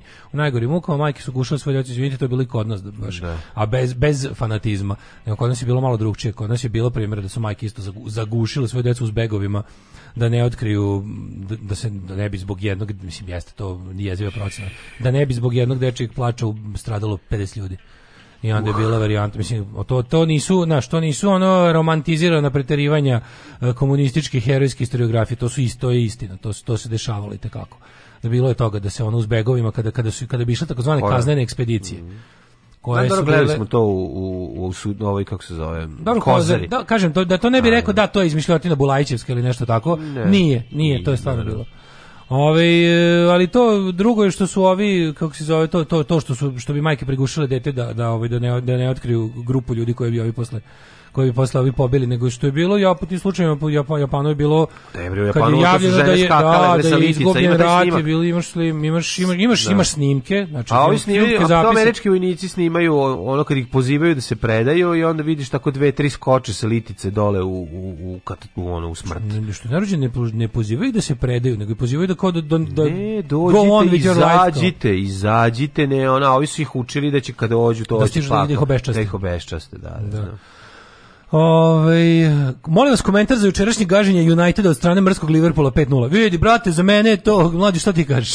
Brate, ja znam da je... Ja sam ovaj- razočaran. Ja poznajem dva čoveka koji su jako veliki fanovi ovi, ovaj, Liverpoola i volim ih, tako da mi sam srećan zbog ove povede, znam da su oni bili jako srećni, a ne znam ni jednog fana Manchester Uniteda. Aha, ti a poznaš ja, nekog fana Manchester Uniteda? Liverpool, Manchester United, ja da budem sad iskren, da me pitaš, ja ne znam, nemam, evo ako... Ne, nego da li znaš nekog ko voli? Liverpool vole dva ne, čoveka ne jako, koji, da, koji su mi dragi. Ne znamo da, ono, da, da, znam, imam te kao strane... I, i Beti su da, dva čoveka koji znam baš Imam kao prijatelje, on, kao, imam baš dobar prijatelj koji živi u Engleskoj, živi u Manchesteru. Pa A, pa on znači ljubitelj da. Manchestera, njemu je to da, teško Da, da, da, znam. Da, Čuo da. sam da je bilo 5-0. Pa 5-0, da. Da, da. Ali je, ovaj, kako se zove, ali me, mene da pitaš, da me pitaš kao kojim je tim draži, ja bih rekao Manchester, iako na osnovu ničega. Da, pa meni je Liverpool, ne znam zašto. Meni Manchester, ne znam, sviđa mi se đavo u grbu i trozu predstavniku. Lepši od Čapnje. Ne, meni za, znaš, čapnje. Lepši mi je od Čapnje. Znaš meni Liverpool pankerski klub od Manchester. Manchester mi je ono... Što? Pa zašto je ono... mislim, po čemu? Po, tome što su ovi, ono, imam utisak da su bogati. To ja imam u svojoj glavi. Da, Manchester? Da, Da, da, da. Ne, naprotiv. Pa eto to. Dobro, jedno i drugo su radnički klubovi, originalno. Okay. Ovo je klub, a ona je Govori ti čovjek koji mislim ne prati fudbal. Da, da, da, ovo, ovo, ovo je zasnovano. Liverpool je klub. Ovo je zasnovano na, na mom neznanju. A i ovo je ovo je kada kad bi sad porada, kad bi morao da mislim da bi moguće da moguće da zbog ono kao isto što su ovi mančesterski antifašisti bili navijači Mančestera. Ne, nego ovi su mi veći outsideri bili Liverpool, Liverpoolu. Ovi su više puta bili prvaci ili sad lupeta. Manchester ono. United je valjda tim sa najviše navijača na svetu, čini mi se, ili Barcelona. Da. Da to kao na svetu, kad, ili po, pošto imaš on kao zvanični supporters club, da, da, da. mislim da je Manchester najveći na svetu, čini mi se. Nemam pojma, eto, kažem ti, nekako moj, jedan Bambi za Liverpool, što se mene tiče. E, kažete mi samo šta su to taj Manchester i taj Liverpool? Pa dobro, mislim, Beatlesi su iz e, Liverpoola. Beatlesi iz Liverpoola. Pa, eto, zbog toga. A da, volimo i manchestersku scenu. A vo, dobro je, odlično, da. ne budim se. E, trener Liverpoola je talac. Ili jeste? Zbog toga, eto. da, eto, da. E, rođendan. E, Louis drugi flandrijski, grof Flandrije, e, Retela i Nevera, i Ane Nevera. Kas, 1806. tek. Dobro. Kaspar Schmidt, poznati kao Max Stirner, nemački uh, individualistički anarhista. Mm -hmm. 17, 1755. Čo, čovjek čija misao kasnije je dobila, mislim nije on kriv za to, ali on je zapravo jesna na neki način ovaj, praotac tog savremenog libertarianizma koji je, pošto on imao tu neku, on imao tu, samo što njegova Štinrova misao je bila to kao sam, sam sam sebi najvažniji, i taj neki egoizam u tom kao filozofskom smislu, ali su no. onda posle libertarijanci to... Ćao Štileru. Da, e, e, Štirneru. Ali su ovi, kako zove, libertarijanci su to odveli u jedan onako... Da.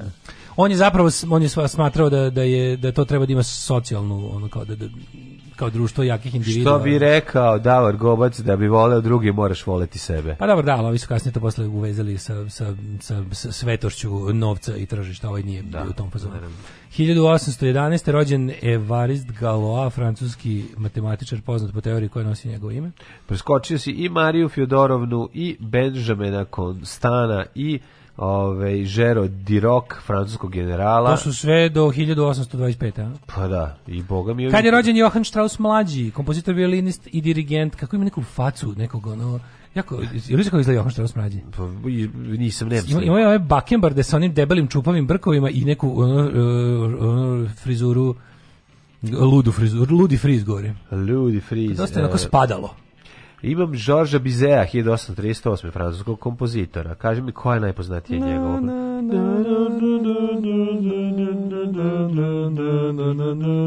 Sad smo Carmen da boli. Jesu, jesu, Sad smo da boli. Jesu to gledali ovi...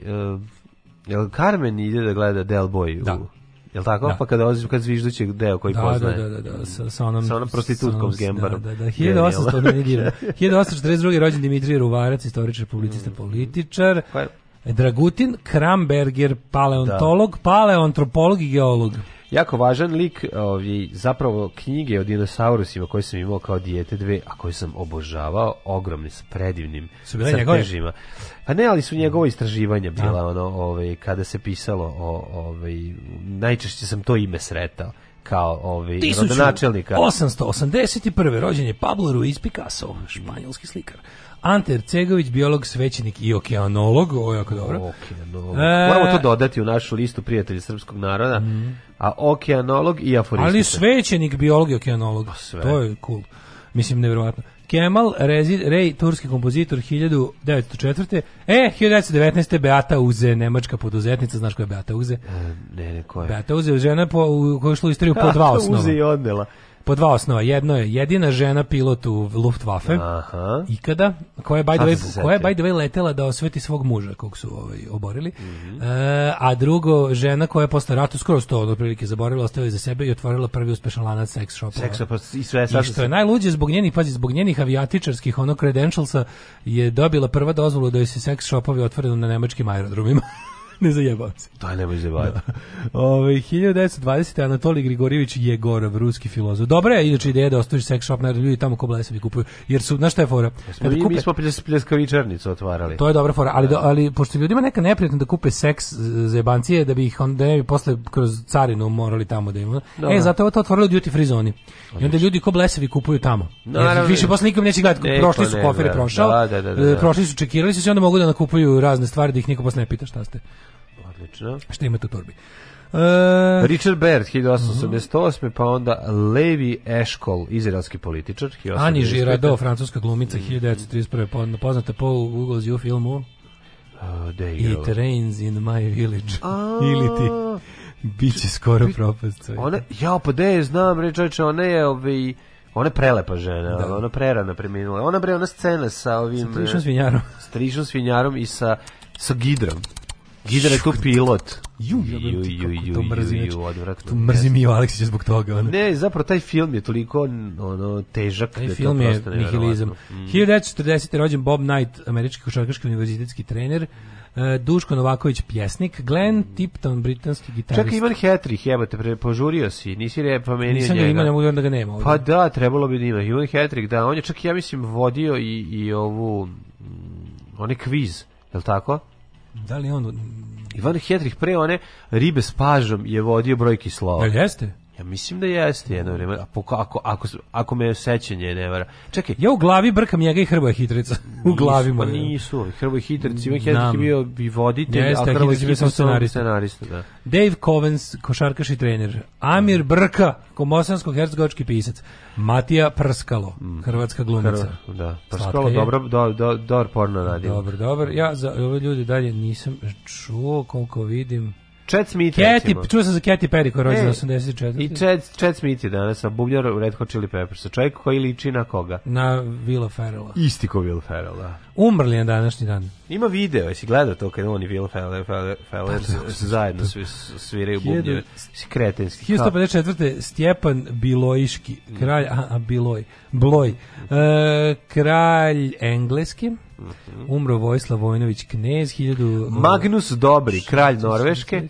Čoser, 1400. te filozof, pesnik, pisac, birokrat i diplomat. Edward od Norića, vojvoda od Jorka. 1478. Katarina Kosača Kotromanić. Jeste bosanska kraljica, verovatno mm -hmm. biće mhm. posljednjim. Evangelista Toricelli, 1647. George II. Toricelli, neki barometar. Toricelli je... Toricelli je cev. Cev, da, da. E, George II od Velike Britanije, 1760. Mm. Otac Marijan Blažić, 1944. Sadako Sasaki. A Bebe Bikila, čuveni atletičar, 1973. Japanska Pobednik u maratonu. Da, japanska devojčica simbol stradanja Japana od atomske bombe. To je bila Sadako Sasaki. Na danas je dan 93. umro Vincent Price, mm -hmm. a 95. Miljenko Smoje. Tako je, jedan je drugi značajno Majko ovaj, Milo, obeležili moje detinstvo. Mi da. se pravi sam koliko sam se usro, a ovaj, Miliko Smokaj zbog koga sam se smejao da. gledajući se. Da se nađe Dežulić u razgovori sa svojom knjižica i da se iščita. Ovde, ovako imamo i Vesnu Parun, pesnikinju 2010. Svi se sećamo njene pesme iz čitanke Ruke. Čika Ismete, zašto nema struje? I on mora svaki put za djetu da nađe neki izgovor, mada struje ima i previše. Alarm! 7 do 10 sa Daškom i Mlađom.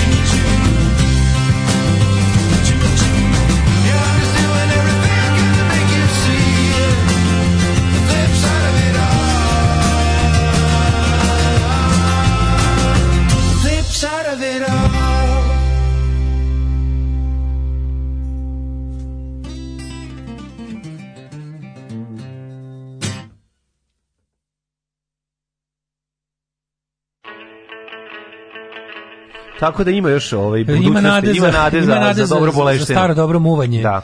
Uh, Ivan Hedrih vodio diskoteku pre Mlakara, da. a i brojke i Slovaka. E, dobro, dobro. Spikirica s pašu izorom Helga Vlahović. E, je to bila Helga da, Vlahović? Gospodje Batogzu je mnogo jaka faca, jasno, jasno, apsolutno. Mm -hmm. United je do Sir Ferguson bio nebitan manje više, tad su počeli dominaciju. Mm -hmm. uh, U Manchesteru su nekad za Man City navijali šljakeri, a United je fancy. Pa bila je ta neka podjela, koliko ja znam, čitajući iz tih knjiga nekih, ono, zgrovskih, mm. da je bilo ono kao da su uglavnom za City su više navijali, ne znam, ono kao Azijati i Crnci, za Man, da je to bilo kao, mislim, jedan i drugi, na Manchester je ono, ceo taj, it's grim up north.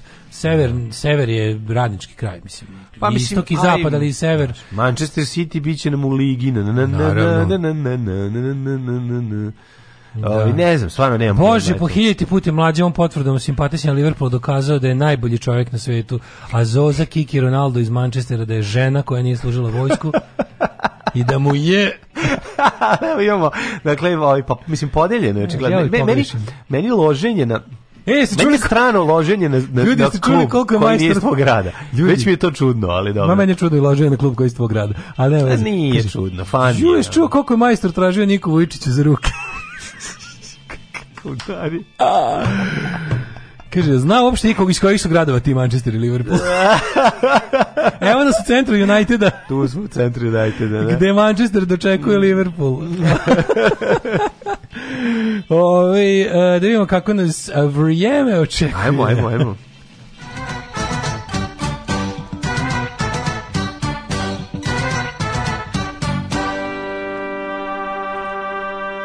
cold as on the motorbike. Pazi, ono da, ovaj, hladno kao e, sveštičije sisa i kao svekrvi pogled i kao, kao zmisko, sisa. kao zmisko oko treba i kao te dve treba, stvari. da da svekrvina zmija da. hladno kao svekrvina na motoru hladno kao svekrva na motoru ja moram da kažem da smo imali pobednika na na communityu sa boleštinom ne, znači do sada nisam, znači, nisam koja, koja ostu zapećku šta neko pobedio koju ne šta je bilo kurate žene igraju fudbal i na kraju jebu sudiju Znači, majko moja. Da, ima taj klip, moram. Ima klip na YouTube. Znači, ja sam stao... A na, YouTube, nema na YouTube? Ne na YouTube, nego na, na community u našem. Kad je otprilike bio da, da, da, da scrollujem? Aj jebe, li ga čekaj. Kurac sam igrao na kraju, ja posadio. Kurac ja, je jako, znaš kakav... Ali mlađu. Ja, znaš kako dobra gluma. To je gluma. ultimativna futbolska fantazija. To će razumeti... Sisate i kurate žene. To će žene. razumeti i ljudi koji nemaju ni malo razumevanja za egzotiku. Znaš, koji, znaš kakav ono Manchester. E, su, to, dobro to je bio Manchester Liverpool, moj koji sam ja gledao juče. Ja sam vraćao to dva Čekaj, puta. Ja to ju, juče neko okačio. Juče okačio, da, da, da. da, da. Pusti dve pesme da odgledam. Da, da znači, znači, pa proto da, prosto nije dobro. Znaš kako je dobro, znaš, onaj kao pa ima... O, kako je dobro? Da, da, dobro, već vidi mi se zaplet, nisam ni video. Zaplet je jako dobro, zato što je jako dobro glume kao grube startove. A, a sve snimano, a sve snimano mobilnim telefonom, jako je Kao da bolesno. Da bude jako. Izgleda mobilni telefon, pa podsjeća na... Da, je na poti, podsjeća na, na, na... Na rekonstrukciju ciklotrona, znaš, ono čuvano ne, da, kada je mlatara. Da, da. da, da kada, ciklotron kada je rekonstruišu futbolsku ligu. Podsjeća na botoški derbi, ali... Ove, ali se ali, ali, ženama. Da, da, da žene imaju veći kurac, ono, da, znači, to je to. Inače, sve ovo, to je to. Jako je dobro, pošto sudija glumi, kao, a, a onda oni kao, sad ćeš vidjeti. Jako dobro ga napadaju, kao zombi. Dolaze tako da ga kao, znaš, kao ne, Night ne slaš... Ne, Night of the Giving Head. Kako jako je, jako je dobro odglumljen taj ceo igrokaz gde... Zora kao, Kuraca. Gde kao bio je, gde kao bio je grup start, pošto on stvarno šut, mislim, ova da, da, njega da, štutne jako, mm ali bez veze, i onda odjednom kao sudija nešto viče i onda kreće. Nemoj mi sad sve pričati, pogledaj. A šta je znači, onda znači? Šteta, onda, onda kreće dengi, dengi. Mislim što zbog ljudi koji nemaju e, herca da pogledaju baš samo uradak, kada ni da ne propuste ništa. Znaš kako boleština. Pa ja, jako, ali mislim da svemu tome dodaje, svemu tome dodaje ta kamera koja je, ono, koja je telefonska, znači to sve izgleda potpuno nenormalno. Da krenem da scrollujem polako. Nađi polako. Mislim da je, kad sam ja to mogao gledati, sisate žene ove, sa penisima. Today, yesterday, stari, da, da, da, naći ćeš. Ove, aktualne podacije, ja ću samo da vam pročitam RHMZ, a ti za to vreme nađi ove, žene u fudbalu. Pa ne, kako sam, ja sam verovatno video fudbalski teren i samo preskrolnuo, razumeš, ne, da znajući, pa budala. Ne znajući da se iza krije nešto jako dobro. Ne, ovo je, ovo je bilo jasno da mora biti boleština. Sad čovjek mora... Ali je da- bilo čudno kako to koja nije okačio. E. Ja sam ja se vrtao da vidim, rekao, ovo koja, ono nije, ne znam, ne, ovaj, da. drugi autor je bio uglavnom, jedan sad sa stepenom Eto, čovjek sad, sad bi čovjek vidio kako kurate žene, jebu bu sudio, moram da prolazim preko slika Milana Sata Protića. A šta da Što meni je najteže. Sombor 0, Novi Sad 1, Zrenjanin 2, stvarno teško. Pa da. Ali kad znaš da te čekaju kurate žene, na kraju duge, na kraju Mil, Milana Sata Protića, nekako možeš i da pređeš. U Manchester, u Manchester City. u Manchester Kitty. Banski Karlovac 2, Loznica 1, Mitrovica 2, Valjevo 0. Mislim, moram reći da futbal može da bude zanimljiv. Kako ne, samo ga treba dati pravim ljudima. Tako je, ovi. Beograd 5, Kragujevac minus 2, Veliko gradište 3, Crni vrh, kaš kakav bolestina, Crni vrh 1. Ajmo dalje, vedrost je svuda, ali užasna ladnost.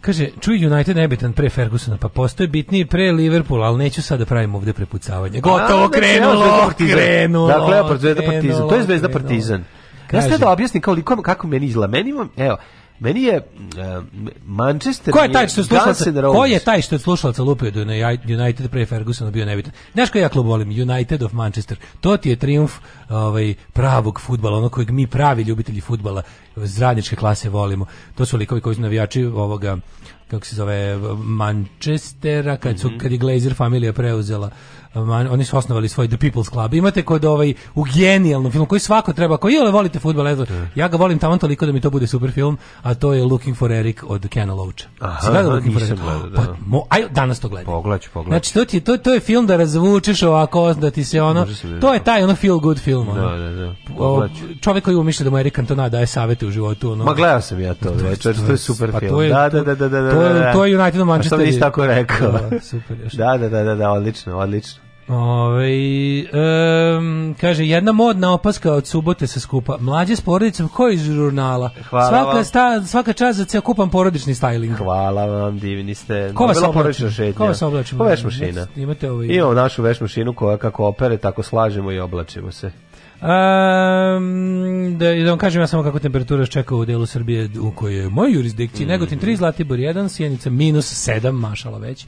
Požega 0, Kraljevo minus 2, Koponik minus 1, Košulja minus 3, Kruševic minus 1, Ćuprija minus 2, Niš 0, Leskovac minus 2, Zaječar 0, Dimitrovgrad minus 1 i Vranje minus 2. Znači, Dobro vreme ove ovaj nedelje za poljske radove. Slušaj, 15 stepeni maksimalna dnevna, mm. jutarnja oko 3, sve vreme će biti sunca. Možete Malo preko dana, možete da poradite još napolju šta imate. Može, baš dosta da se uradi. Ovo je pravo vreme napred Beograđani. Nadam se da će da upadnu u RTS, da uzmu kasete sa srećnim ljudima i da ostalo sve poruše. Alarm! Alarm! Svakog radnog jutra od 7 do 10 sa mlađom i Daškom.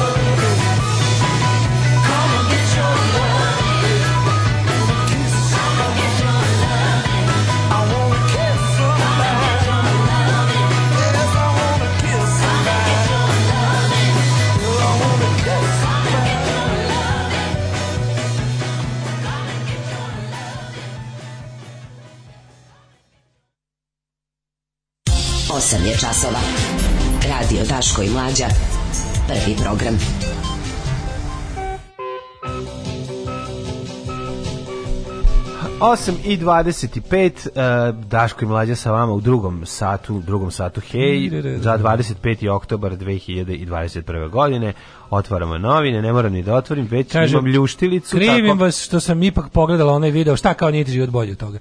A drugo, ovaj, mlađi ja smo zaključili da je to gotov spot za pesmu Testa eh, s prvog albuma Pomoćni, pomoćni džubre. Da, da. Bukvalno, znači ja sad uzmem, pošle radile tu klebi, kažem stavite samo preko vašu ovu stvar, stvar. I, ovaj, I to je gotov spot to je to, to je to je suština te pesme u tom klipu ono. Kao da su platili to ničim. Znaš, ovi koštalo su platili ljude da, da im glume tako u spotu. Ovako imaju gotov, samo rekao prebace svu matricu, iako je van matrično došlo, dosta Tako spotu. je.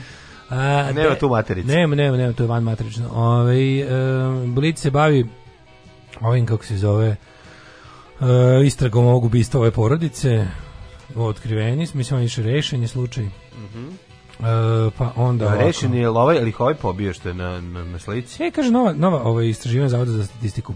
Mobilni nema manje od 5% od ljudi u Srbiji, a, da. a 20% ne koristi računar. Pa nismo loši, jebote.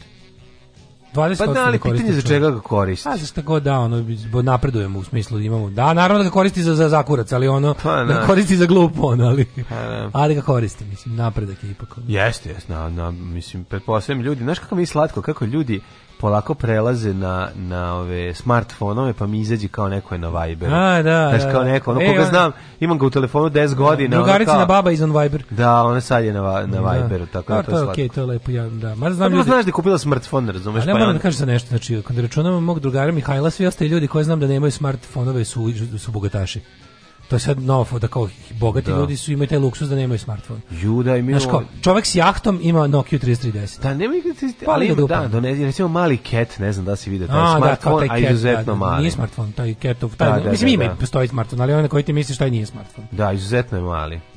Da dobro, ponovo su se vratili. Pazi, ga, možemo, ne, ne, ne, sad najbogatiji ljudi su offline. Ne, nego možemo da pratimo te, pa da dok sam dok sam bogat da mogu da budem offline. Najbogatiji ljudi su offline. Pa to je to. To je sada luksuz jednostavno. Ali hoće kažem da možemo pratiti genezu ove razvitka mobilnog telefona od toga da je bio jako velik da mu je cilj bio da se što više smanji pa je onda ponovo pa da, počeo da raste. Da. Da, da, da. A više da, da, ja sam sad meni meni meni ja ja da imam sledeći telefon koji kupim. Mali, onaj. Sledeći telefon koji kupim će biti iPhone 12 mini. To je dakle, manje klasičnog starog. Onog starog. To je je najbolje. To je najbolje. Da, da, da, jeste. A drugo, šta ti htio da reći, da li si gledao sinoć utisak? Nisam gledao. Ja sam sve u kao prebacit ću, nerviram i onda sam zbog toga što sam se lepo nekako zavalio i pritom drndao telefon, ono nešto sam se dokucavao I onda zbog toga sam odgleda, odslušao znači, zapravo celu. Znači, oka i uha si slušao i bolje da nisi. Ja. Znači, bolje da nisi. Da, da, znači, da, možemo malo o tome, ja bih volao da mi priču. malo tome, jer tako bi bila simptomatično, da. pa zato. Da, moramo malo i doma omladine, da, ovo, ovo videli, da. Ju, moramo i doma omladine, je. Da, da, da. Život, Don, dom ovaj, SNS omladine, da vidimo kako ide u kom pravcu. Omladina i... koja je zaslužila da nema dom. Da, da. Tako, ostanite uz nas. Slušam malo Demda i malo Hanoi Rocksa, može? Alarm Svakog radnog jutra od 7 do 10 sa mlađom i Daškom. Alarm.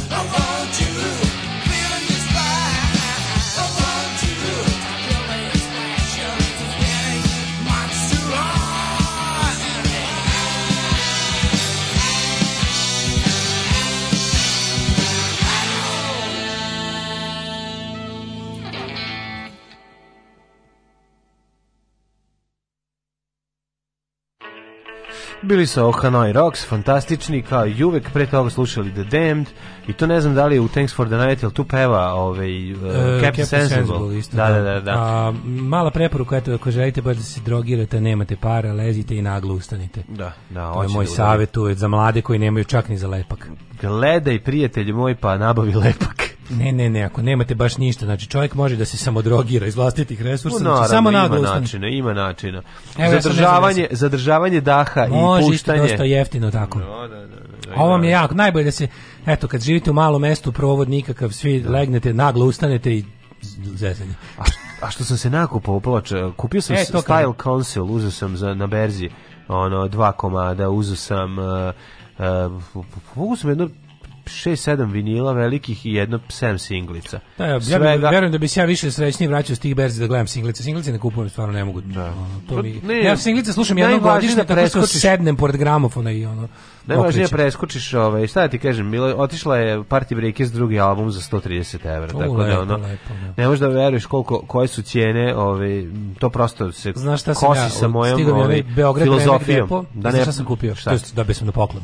Šta za vjeropoklon? Da bi se na poklon ovaj, isto plaćan ispod svake cene da. Rambo, psihološko-propagandni komplet M91. Odlično. Nisam još deo da stigne. Ovaj. A znaš šta sam ja dobio? Kupljena šta je meni stiglo? Kupljena mi je, jako Stigle, sam Stigo mi je ovaj, uh, eh, 7 inča, ovaj, kako se, 10 inča, izvinjam se, Koji? Uh, Imperial State Electric Live. Aha, live, da. Sad da, sam da. dobio da, da, to, da, da tako da genijalno. To ne Record Store Day uh, izdanje, onako ono lepo limited, ili tako? Jako je lepo, crno izdanje, pa super izgleda sve, pre, prelepo izgleda ploča. Tako da je ovaj vikend je bio vinilan, može se reći. Može Ove, se ovaj, reći. Nekoliko interesantnih uradaka koje recimo nisam našao. Imam jednog čoveka, imam mog dilera koji ima kome ploče koštaju oko 250-300 dinara, ima soula dobrog i tako svega. Uvijek volim kod njega da uzmemo, još mi smešnije što što ovaj starije sad već pa ni ne čuje dobro, pa kad ga nešto pitam onda moram šest puta. Takve su i ploče. Tako mi se sviđaju vaše ploče, on kao nemam za tebe moče. Znači tako je bila. Da, da, da, znači da, bilo da. je ono ovaj tko mljacka barke, šest situacija. Da, da, da. Nemam, nemam clash. Pa nisam to rekao, kažem da kod vas ima baš dobre, dobrih ploče. Nemam clash.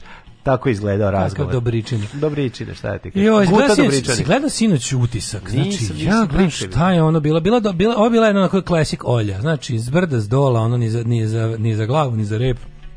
Emisija, tako sastalo se troje, pa ono tako nešto Baš je bilo onako. Je bilo na planini na Jelici, ti meni reci. Nije bilo na planini. Nije brano. Ne, pa nije to bilo mi brano Pa nije bilo brano dobro. A pa to je napredak, mislim, nije bilo, Ako nije bila slava. Nije brano, onda je Nije bila slava, emisija bila je dosta ovako ne slava, ali sve ostalo nije valjalo. Ja volim kad dođe neki sveštenik, pa svi padnu na dupe. Da, nije od, bilo, od, nije bilo, ništa, ništa. Ne, ovde je bilo u sredini mud, mudra spisateljica. Mislim, ovo je bilo baš samo razočarenje slušati Pa ne, ne, pazi, Milica Vučković, ona je ono, ok, pisac, ta njena, meni ta njena knjiga Boldvin, ok, ova druga mi nije dobra, izvinjam, ta, ta s kojom je sad stekla neverovatnu slavu, koja se verovatno naštampava već u petom tiražu. Koja, kako se zove? Smrtni ishod atletskih, ja kažem, stopala, A, ali povreda. Atletski povreda, čuo sam da je jako znači, popularna, da, da, jako svi popularna, hvale. Jesi pročito, jesi? Jesam, nisam baš zadovoljan.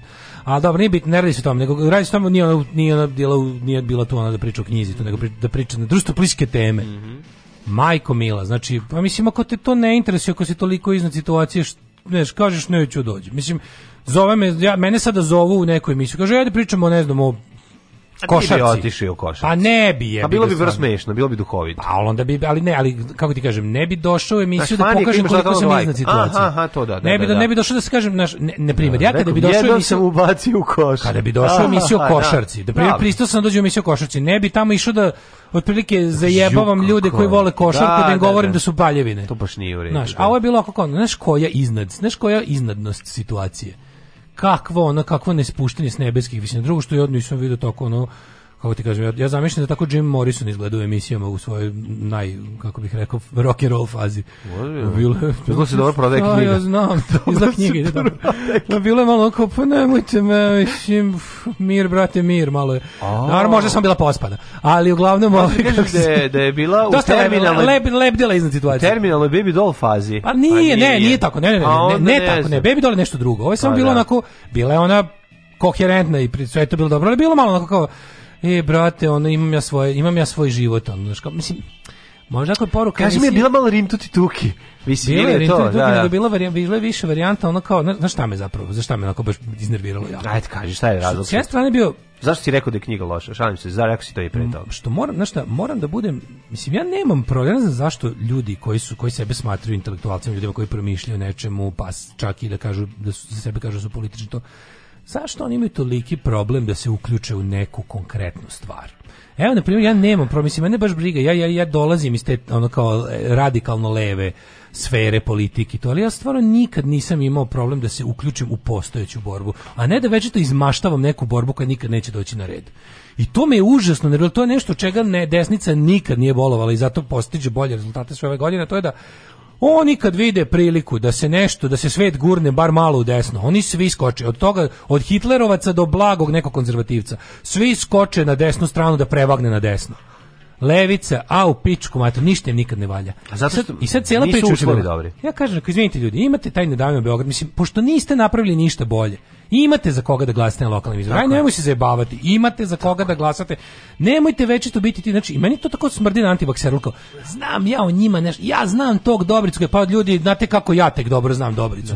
I mi mogu bi ja da budem taj lik koji će doći kaže Dobricu on je nekad imao ono četničko izdavačku kuću izdavao četnički oj. Neću ja. Brate mili, dono bili smo klinci ono. da, I na da. kraju krajeva ono vidimo njemu napredak u svakom slučaju. Sad ako ako, će, ako je poenta svega toga da pokažem kako ja znam situaciju bolje i pre vas, Mislim, stvarno, ono, znam bolje pre vas situaciju. Ali ono kao šta imamo od toga?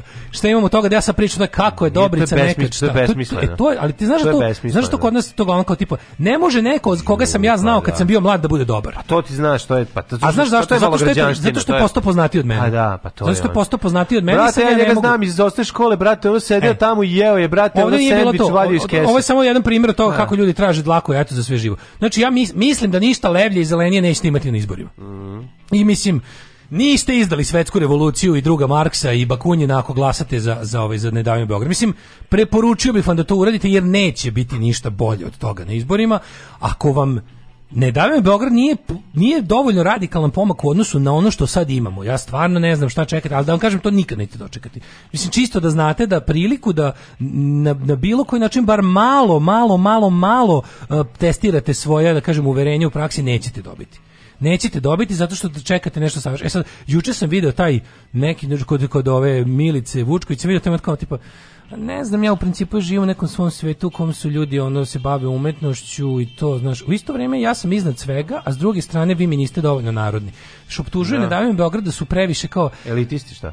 kao i šta od vas, kao šta od te vaše kao politike ima radnica, ne znam u ne znam gde kao. Jo, to pa, a nemoj mi ti biti advokat radnici, znaš, on kao u redu je, napisala si sad knjigu o tome, znam da misliš da sad kao si, znaš, kao advokat tribun radničke klase, al jebi ga nisi, ono kao nemoj, nemoj nešto to lažno osećanje tuđe muke, ono izvini, ali moram ti kažem nešto, znaš, ono kao radnica iz pekare neće nikad osnovati stranku. Neko mora da, znaš, kao neko mora da govori u njeno ime. I, i, i, da, i da, budemo srećni što neko ušte hoće da govori u njeno ime. I da ono kao ako se pojavio neko ko bar malo govori u njeno ime, je mnogo bolje od onih koji, koji lažu da govore o njeno ime. Tako da ono kao s te strane mi je bilo znači to to posiravanje po jedavim s jedne strane je bio Dobrica kojim je bio tu isto ono onako dosta političar bio tako bio klasičan političar ajde ok izlazi na svoje prve prave velike izbore i mora da političari mora da uvati glasove onih koji nisu čuli za njega on mi tu naravno mi je bio najbolji u emisiji on s druge strane imaš oglika koji je rekao stvari kako stoje ali su nekog odvratno defetističkog ono ovaj momenta. Tipa onako ljudi vi ne znate koliko je sve za to. Srpska napredna stranka drži sve. Jebali su na majku sve sve ono što da. možemo čuti u našoj emisiji, ali bez nade na kraju. Znaš, nego sve ono kao varijanta, to što vi radite ništa ne valja, to treba drugčije, znaš, a onda u sredini imaš, imaš ono spisateljicu koja je bila u fazonu kao ono, baš je, to je dobro rekao ovaj, kako se zove, Boban Stojanić, dobro rekao, rekao je ovaj, rekao kao, pa dobro, brate, ne mi sad stvarno cipelariti opoziciju u ovom trenutku, mislim, pa što, da. znaš, da. mislim, okej, okay, imaju oni hiljadu mana, ali ono što, ono što se, ono što se opoziciji može i mora prigovoriti u svakom trenutku je njena ideološka bulja. Znači to što su oni što neće napraviti nikakav otklon od nacionalizma i od politike, znači oni oni ne žele da budu vrednosna vrednosna opozicija režimu. To im ne pada na pamet. Ma ne, nego pa se svi pa, zajedno priču to... u začaranom krugu nacionalizma i to im A, mogu da. prigovoriti. Ali ovo sve ostalo kao da ne rade dovoljno da ovo da ono mislim, ok, ti imaš tu ovaj ne možemo ih sve ono ofarbati jednom širokom četkom. Mislim, ja, kod jedino, ja jedino kod Nedavimo Beograd vidim želju da dođu na vlast. Mislim, on to se neće desiti ali kao nekad pa da li oni kao, jedini ne šuruju sa desničarima kao što mislim ako tako, ja, ja to cenim pa naravno i cenim što su rekli izaći ćemo na izbore ovaj jebi ga moramo drugo ne drugo nemamo mi hoćemo se bavimo politikom na tom nivou mi sad moramo da izađemo na izbore iako znam i sve kao bilo kao, vi ste izdali put, ej, ali vi ste izdali bojkot pa čekaj vi mislite da bojkot bude za uvek bojkot je mislim bojkot je evo ako ništa drugo Bojkot je služio nečemu. Bojkot je služio da nam pokaže gde smo i šta smo. Znači, bojkot je u onom trenutku, prošle godine u junu je bojkot bio najčasnija, najpametnija, najlogičnija da. stvar najlogičnija stvar. Ja i dalje da. to tako mislim. No, da, no. Znači ne mislim da to bila greška. Nije Isto tako greška. treba ne treba toga praviti kult bude. Sad ćemo mi biti večito bojkot Pa šta, čekaj, izvinite. Gde vam je oružje? Gde vam je logistika? Hoćete bojte revolucionarni pokreti? Hoću ja, odlično, bravo, jedno čekam. Jedva čekam, za to živim, ali nemojte me zajebavate, niti imate oružje, niti imate silu, niti nećete na izbore. Pa šta ste vi onda? No. Da. Znači, ono ste vi uopšte politička organizacija. Drugo kao ovaj bojkot je služio da pokaže gde tačno stojimo. Sada nekad je nekad je potrebno jebi ga zaroniti skroz do dna da, da se odgurneš nogom od dna. Ako ništa drugo, lakše je. Ali ovdje mislili smo, mi smo tad još i trebalo je pokazati i sebi i drugima stanje stvari. A stanje stvari je to da znamo da našu autoritarnu vlast i antidemokratski poredak podržava ceo svet i znamo da smo sami.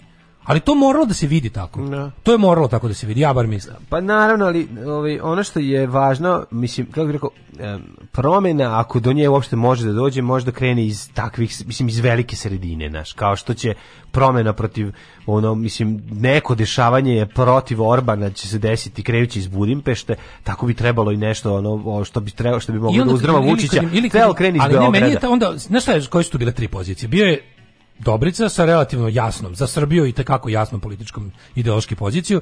U sredini je bila ova, meni ništa nije dobro, ja sam iznad situacije, znate, ne. ja imam svoj kafić, živim svoj umetnički život, malo mi tako treba, sad sam na moru, sutra sam na planini, živim punim pluđa, bežim u taj neki zdrav razum, ono, tako mi malo treba, tako puno imam ja i moji prijatelji, koji politički teoretišemo u, u, uz, ono, uz, uz lepa pića i skupu hranu i fine dining, smo zaključili da nam je ne davimo Beograd previše elitistički. Ja. Da. E, što je ta bila priča i na, i na drugom kraju si imao ovog lika koji u fazonu a, sabornost, jedinstvo, malo onako Jeremićevsko, Đilasovska priča, u fazonu kao ne davimo Beograd ruši jedinstvo opoziciju. Ovo mu lepo objasnio, izvini, aj mi da izađemo sa svojim programom, vi sa svojim, mi, mi ćemo lako da se dogovorimo oko jedne stvari koja nam je zajednička. I onda ga optužuje za lice i rekao, eto vi kao ne možete, nećete da idete s dverima, a s dverima biste srušili Vučiću.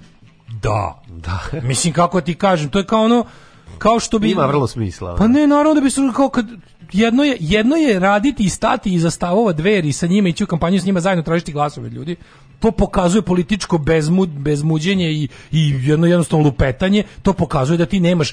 To u startu pokazuje da ti nisi ozbiljna politika i da si jednostavno... Ma neću dveri i da si lovac, I da si lovac na funkciju. Tačka, nećemo dveri da. S druge strane, mogu naravno u skupštini zajedno s dverima dići ruku za nešto. Pa jebote, naravno da mogu.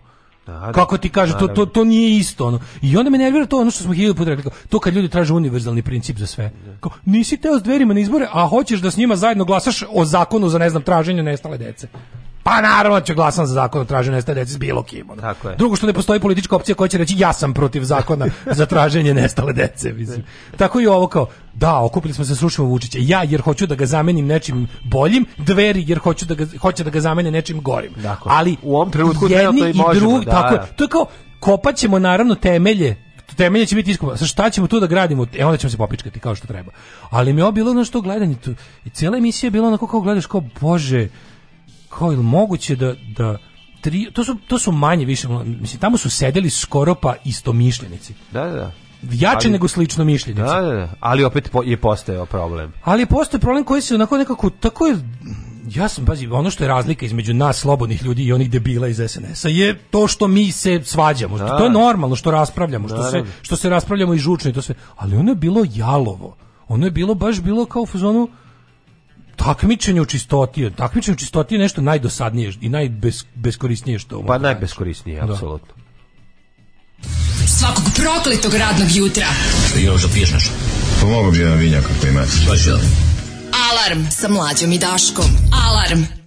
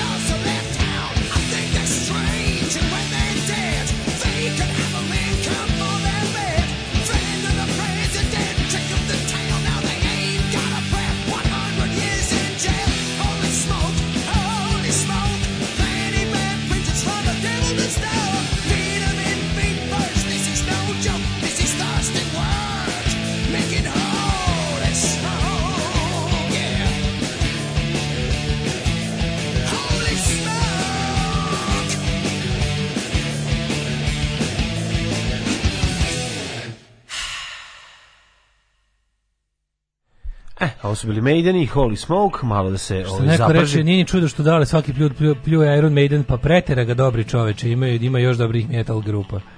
Dobro ovaj, ljudi, šta je s vama da, ove, ovaj, da vi stalno nešto zahtevate? aj kušujte više, ono, imate jutarnji program, ljudi pričaju, što stalo se bunite, muzik, temam se... Evo, evo, čekaj, ima i druga on. poruka, volim Maidene, Daško plači. A, dobro, ne plače ni on zbog te jedne pesme, čak ova pesma je najmanje Maidenska pesma, ono, od ono Maiden. Kaže, izvini, Maiden. Daško od Milici jednog momenta nije rekla da je protiv Vučića, rekla je, rekla je eksplicitno, znači, budimo fair, rekla je uh, u jednom trenutku, ja naravno sam protiv ovog režima i protiv ovog, rekla je baš eksplicitno, rekla da jeste, ali je bila, znaš kako, evo, ako ćemo pošteno, znači, njen nastup je bio taj taj kombinacija kao bivanje iznad situacije i ono kao tog nekog jalovog. Znaš, znate kako bi ja to nazvao? To je za mene pozni Biljana Srbljanovićizam.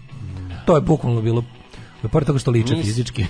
da, jako liče. Ali, to sam imao prilike da vidim. Ovaj, bilo je kao, imali smo ono kao, ako, ako Srbljanović... Ko ti se više sviđa? Milica da Vučković. Pa Milica je lepša. Pa mislim. Da. O, ovaj, kako se zove... A, Um, bilo je bukvalno ako ne stigne, ako negde Biljan Srbljanović ne stigne da dođe da iz da iz kako kažem da izrelativizuje i da i da večito ovaj, težište diskusije postavi naopako, mo moći će ova dama da stigne svugde. Ovaj, um, Kaže, u zadnje vreme u odnosu između ljudi koji nikad ne menjaju stavove i ljudi koji redko menjaju donji već simpatije kreću ka drugoj grupaciji. Pa moguće da toliko pametnih ljudi ne mogu da shvate to što pokvareni i glupi ljudi shvate iz tuga. Politika i svetosavlje demokratija ne idu zajedno. Nažalost, ne mogu. Ja, ću ja vam kažem, ljudi ja morate kažem, razumeti, radi se o, o, radi se o situaciji koja se zove privilegio est madre studiorum. Jednostavno ljudi koji um, bogati ljudi ne razumeju probleme sirotinje. I to je sit gladnom ne veruje i to je ovaj. Ima ta cena, mislim ti kad vidiš te Ni pa tako je. Bre, kako živeš, ne možeš kako ti ne možeš da shvatiš da čovjek koji može da u bilo kom trenutku se pokopi i ode u rovinju svoj stan. Tako je, tako. Je. Nije ne može da razume. To su rovinjisti, to su to, Znaš, to su, mora to, to su rovinjisti, jeste, pravo si. No, mislim rovinjisti ne mogu i to je mislim meni ja ne, ne može, meni meniš, jesu to bliski ljudi, razumemo se mi, pa ali pa, mislim bliski su ti ljudi daleko toga zato što mislim znaš ljude koji imaju i znaš to su i dobri ljudi znaš, mogu, oni veze. mogu se i svaki zajebane situacije na ulici da pobegnu taksijem. Tako da ono to rovinjisto. Ali ja čekaj, dobro, to ne vidim kao problem. Ja samo bi voleo da ti ljudi mogu da, kako bi rekao, da mogu da spuste nogi na zemlju i da, da razumeju. Znaš, kao onda ako... ako... Što bi rekao jedan moj bivši prijatelj, ne znate vi kako je nam bilo za vreme bombardu. Ja kao kako, mm. nas je tata morao da spakuje da nas odvede sve u peštu tri meseca. Da- pa, to da ne bo... gledamo ovaj uzas. Pa ceo bombardovanje Boškić je ona priča kako, znaš da ima ovaj traktat kako gleda u si, daljinu. Ja, to iz hotela principu, tog i tog, iz centra Budimpešte gleda u pravcu Novog Sada. To je champagne socializam pa, i to da, je uvijek bilo da, tako. Da, da, da. Ovaj, da. Slažem se, da ne, dajme Beograd, ja ću glasati za njih jer su govno oko nas i bolje nema. Pa nema. Doblic, Dobrica je klasični oportunista koji protiv revolucije samo razmišlja 10%, posebno što je vršen pritisak da oni radovan puste druge da budu vidljivi, dajme Beograd da se ovi ne pokazuju dobro među ljudima, ali nema šanse. Ima klasičan sindrom vađi vidi ljudi. Pa da, da Dobrica ima veze sa ne dajmo Beograd, meni to ima veze on je da pa znam da, da li je zvanični predsjednik ili kako se to zove, ali da. on je dobro, ja više volim ra, ne Radovan nego ne Radovan nego Radomir. Radomir je ovaj veliki Naravno, crni. Meni, meni je tamo najdraži Radomir, njega da. najbolje poznajem, ali ovaj radi se o tome da ljudi može oba, može, da verovatno je e, Dobrica protiv revolucije, to verovatno tu fazu prošao ili šta god da. iz bilo kog razloga, ali ljudi može oba. No. Da. Znači, može oba. Mi moramo da radimo, naše društvo je toliko Tablice desno. meni jako ozre, ne znam kako naše, ti je, naše društvo je toliko desno, toliko je pa desno, pa, znači to kako da vam kažem, mi moramo, mi koji sebe smatramo u najširem smislu levičarima, moramo pomeriti te stvari, centar se pomeri u desno, razumete, ovdje levo je desno jebote, toliko je desno da moram se uhvatimo za bilo šta, a to ne znači znači to ne znači kako ne razumete, kao u životu za bilo šta, znači ti u životu imaš malo kako ti kažem, jede ti se možda ono, ne, ne znam, ono, jede ti se gulaš, ali nema gulaš. Mi, Znate da ja svoj život mogu preko toga da objasnim.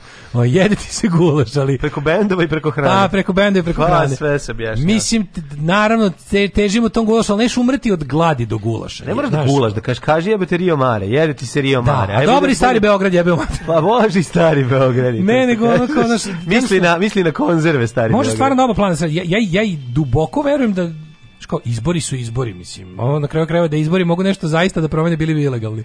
Ali on vrede, vrede izbori vle, pogotovo na lokalnom nivou. Mhm. Izbori to to sam pa što liman, sam stari, to sam ubeđeni. Liman, što majko, lokalni izbori, to je važnije na pa njih pa, izaći i ugurati svoje ljude. Tako je. Ljude koje dele tvoje vrednosti. To ne znači da treba želiš da dobrice protiv revolucije. Pa ko tebi brani da budeš da ti dalje radi na tom? Mislim, on kao te sve stvari, komunistička partija Jugoslavije ljudi je učestvovala na svim izborima na kojima su im dopustili. I bili su srećni kad im dopuste da uopšte učestvuju na izborima. Nikad nisu odustali od svog velikog cilja, ali su imali više taktika. Imali su više taktika. Znači, ako hoćete pokret koji izaziva društvene promjene, on mora da radi na 100 nivoa.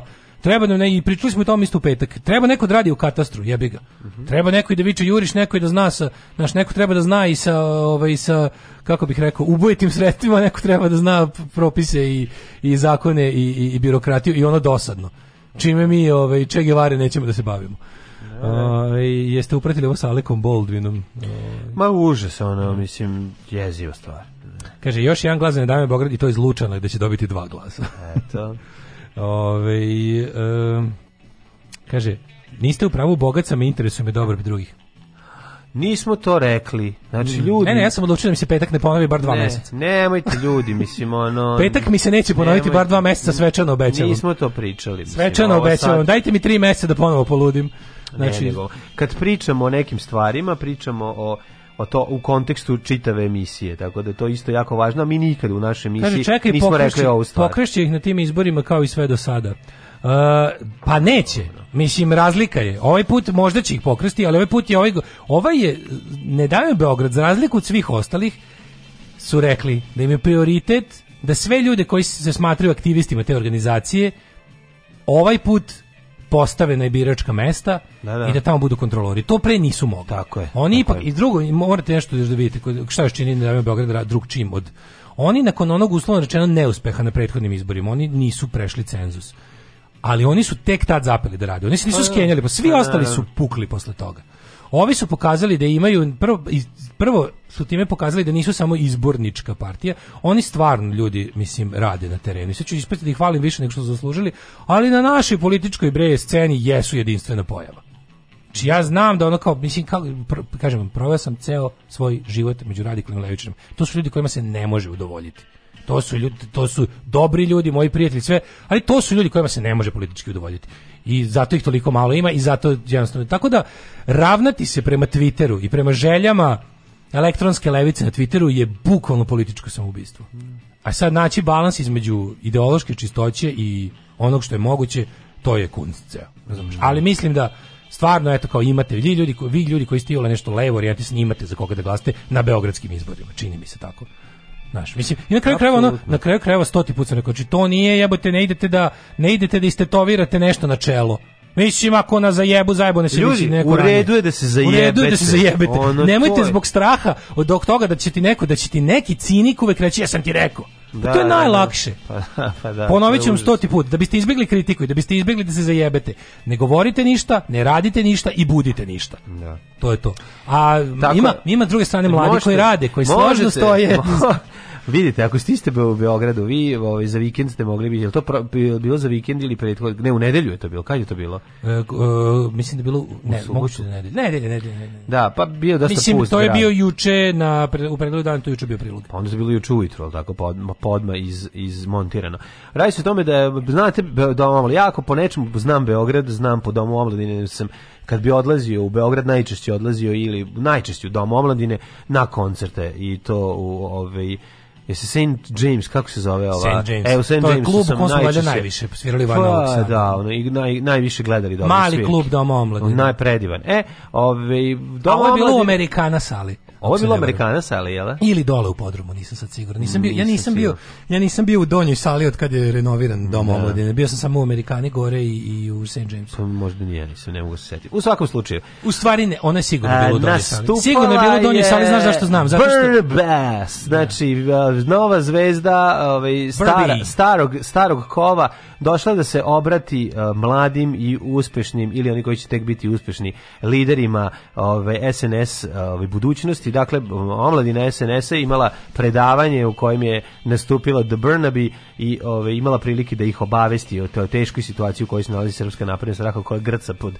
pod ove, čizmom opozicije, kad kažem čizmom, verovatno ove, se misli na Đilasovu, ali uglavnom e, težak je život um, političara, mladog aktiviste stranke koja već 13 godina razvaljuje po, po Srbiji.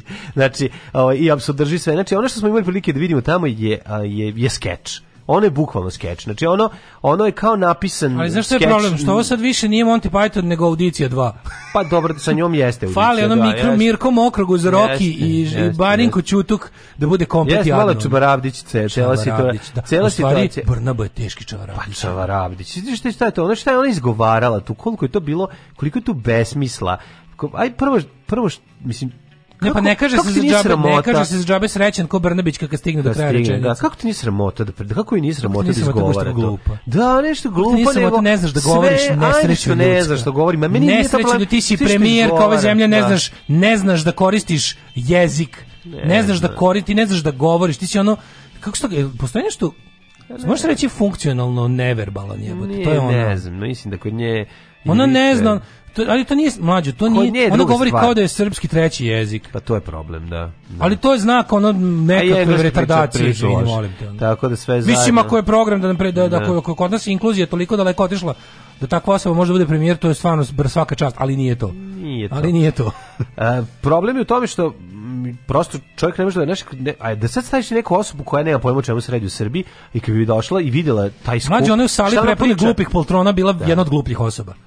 To je da. strašno, razumeš? Da, One su da. sali inače prepuni gluperdi. To baš negativna selekcija glupana. Da. Tamo su sedeli, yes. tamo bila, tamo bila Ali ljudi koji su sedeli su, puštali su bili pametniji od nje, mislim. Tamo kao da su na ulazu puštali sa brzim IQ testom, ako imaš minus da. 10 pustite u salu. Jezivo je. Ne, ne, Jezivi, znači poltron, glupe poltron, to su poltroni. To su i glupani. Yes, to su i da. glupani. Ono su da. glupi ljudi bili. Jeste, jeste, jako puno. A, vidi, nisu samo glupi ljudi. Ono kad, kad, da, kad je prešao novinar onako i pokušao da porazgovara sa ovaj ekipom, vidiš da svi su pobili kad su bili da to da, je. Na čemu se radi? Bila, je, bila je, bila je, pa, bila je viđenje da. Akademije da. mladih lidera i uh, Unija mladih SNS-a. Da. Došla da ih posjeti Uh, Ana pa Jugendtag, da. Jugendtag. Da, uh, došli, došla da ih posjeti Ana Brnabić u svojstvu ne. Da. poverenice Beogradskog odbora SNS-a. Ona je preuzela slinjenu funkciju.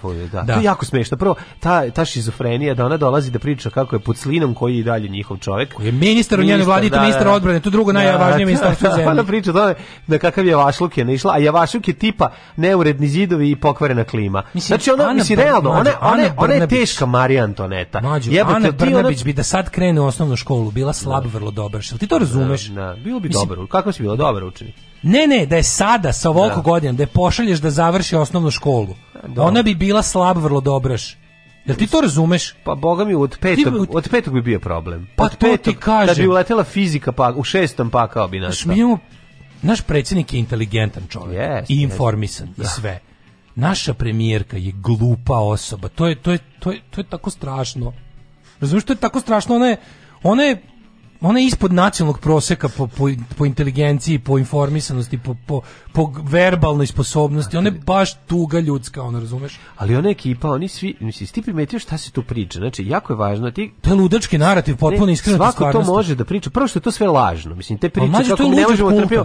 To je luđe yes. od kulta. Ja nije luđe od kulta, vidio si kult ono. A znaš zašto, zašto kult ima... Vidio si kult kod, kod Raduleta, majko moja. Oni imaju nešto drugo. Oni imaju... A dobro, ne, oni, oni stalno imaju... Znaš šta sam ja shvatio? To je kom kombinacija Uh, to je kombinacija... Ne Bizarro World, da, ono je kao da vidimo ko se prvi... Ima nešto... Znaš, ono kao da će u fazonu da bude, je... sad ću da ih zajebam, da imamo će li neku masu reći, a da, evo da trpaš Ne, ne, ne, ne, ne, ne, ovo, ovo je potpuno jedna boleština. Oni stalno imaju taj neki kult žrtve, a to je, a žrtva je zapravo kao, kao, Vučić Evo, je Isus govor. koji se žrtvuje za ono taj Oni imaju svog Mesiju. Mesiju, Oni da, su da. apostoli. E, I oni malo, oni mali plaču kad pričaju o njemu, razumiješ? Ono to, to kreće, ona, ona, ona to prelazi. Ne, a zašto ne To prelazi u cmizdrenje. Što se videlo, ona, ona ta, ta nevena Vučić, da, ta da, kao da. Vučić je wunderkind, to da, ono, to kao zlo. Ona je u fazonu kao, ona je u fazonu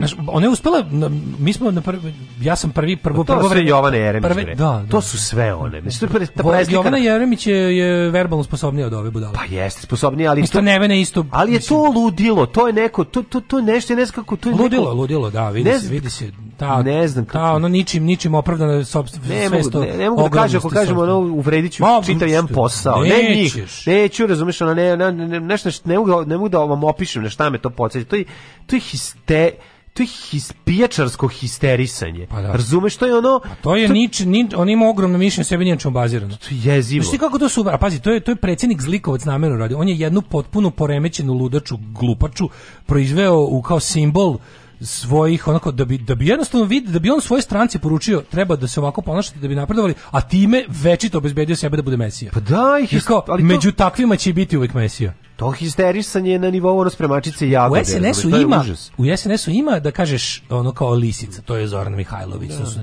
Takvi ljudi se ne gaju u SNS-u. Vučić njih trpi, mora da ima i takvi, ali bi mu inače pao krov na glavu. Da. Znači, ovaj, fore što ono kao moraju da... Fore nekada kod lekara da se ode. Da. I onda kao, naš, rekao, zna Vučić koja, on ima tačno, znaš, pričali smo o tome hiljoputa, nisi je po raznim kriterijumima, imaš kao, ko su stari radikali, ko su e, do pre, pre, preplivala žuta govna, ko su ovi, ko su oni, a postoji ta neka glavna podela koja ide beyond ove, ove podele, a znam, ima druga tako, osa, ima si, imaš ono, naš, na apsisu i ordinatu. Ima, ima si takvog jednog uvijek po, po, po, ambiciozno po budalu da, koja... ono žvalac što sedi napred onaj... ambiciozno budalu za koju da. se pitaš jebote na čemu ti baziraš ovu svoju da, ambiciju ono, da. užasni čoveče dosadni Kako ti nije sramota, imaš li ti dugme da, da se gaćeš, jer svima nama je ono, obolećemo od neprijatnosti kad te gledamo i slušamo. Ono. Da. Prestani da se javljaš za reč idiote jedan. Ono. Šta ona priča, znaš, on taj, taj nje na kraju, to što je ona na kraju pričala, to je bila kombinacija priče o, o Vučiću kao o, o apostolu, kao ono u žrtvi. Mesiji bre, oni su apostoli. znači ono a, a, a kombinacija svega, svega, pa ne više ni ne znaš. Na, znaš kao, mađo, ona ima... od želje da se uvuče Vučiću nije sklopila rečenicu, nego je da. samo bacala gomilu fraza tako i je, zato Vučić je. na kog treba da smo ponosni koji za sve nas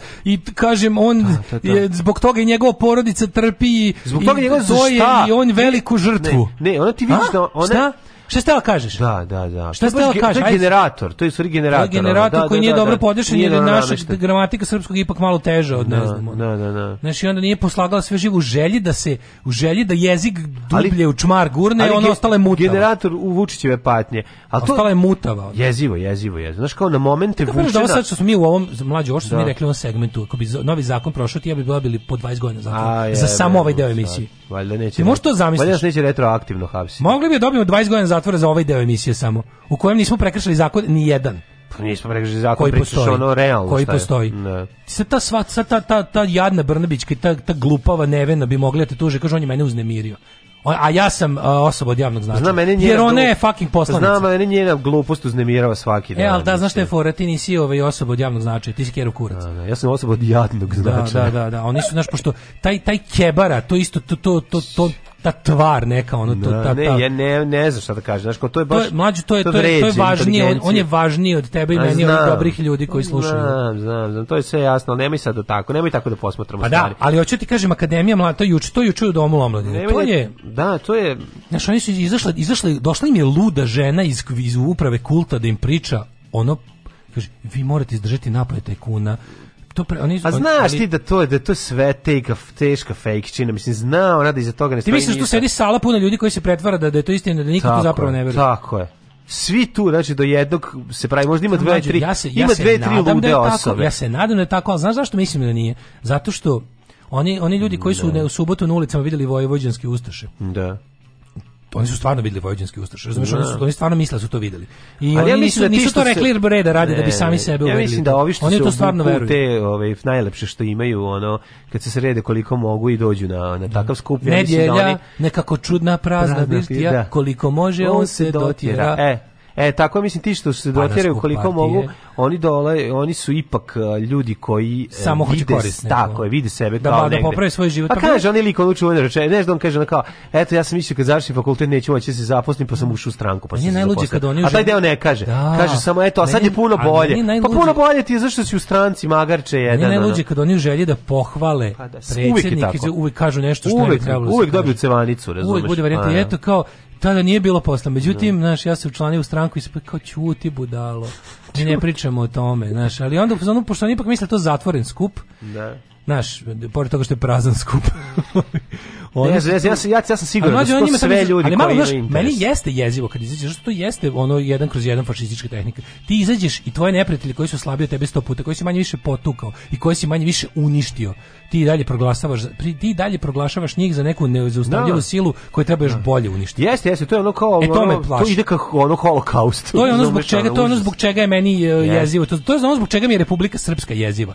Znači ta da. mržnja prema njihovim žrtvama, da, da oni dalje i dalje ti kad odeš u Bosnu vidiš goru gori prezir Republike Srpske prema Bošnjacima nego obrnuto. Ne. A ovi su njihove žrtve, a ne obrnuto. Ne. I ti tako kad vidiš isto naprednjačku mržnju prema već poraženoj opoziciji i to da su oni u fazonu ne, sad kad leže krvavi i slomljenih kostiju, sad su najopasniji. Ne, da, to, je, to je meni onako baš... Je, baš strašno.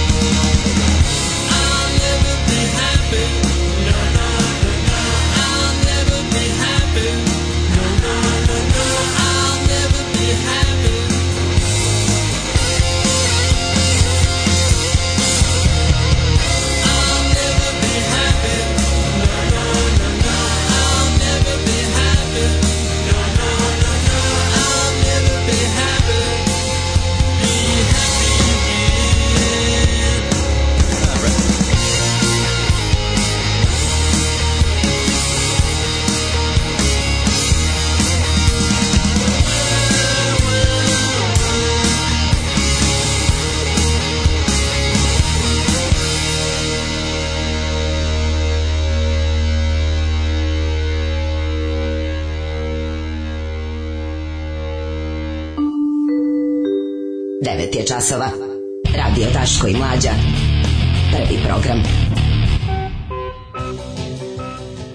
9 sati 20 minuta, ulazimo u treći sad naše emisije za 25. oktobri. Malo porukaca, David Ajde. Simon super objašnjava to. Izboriš ti ko gradski prevoz, staneš na stanicu, ko najđe tačno onaj koji ti treba, odlično ko najđe i onaj koji će te odvesti barem stanicu i dve bliže cilju, valjda i taj. Mamar. Kao, valja i taj, da.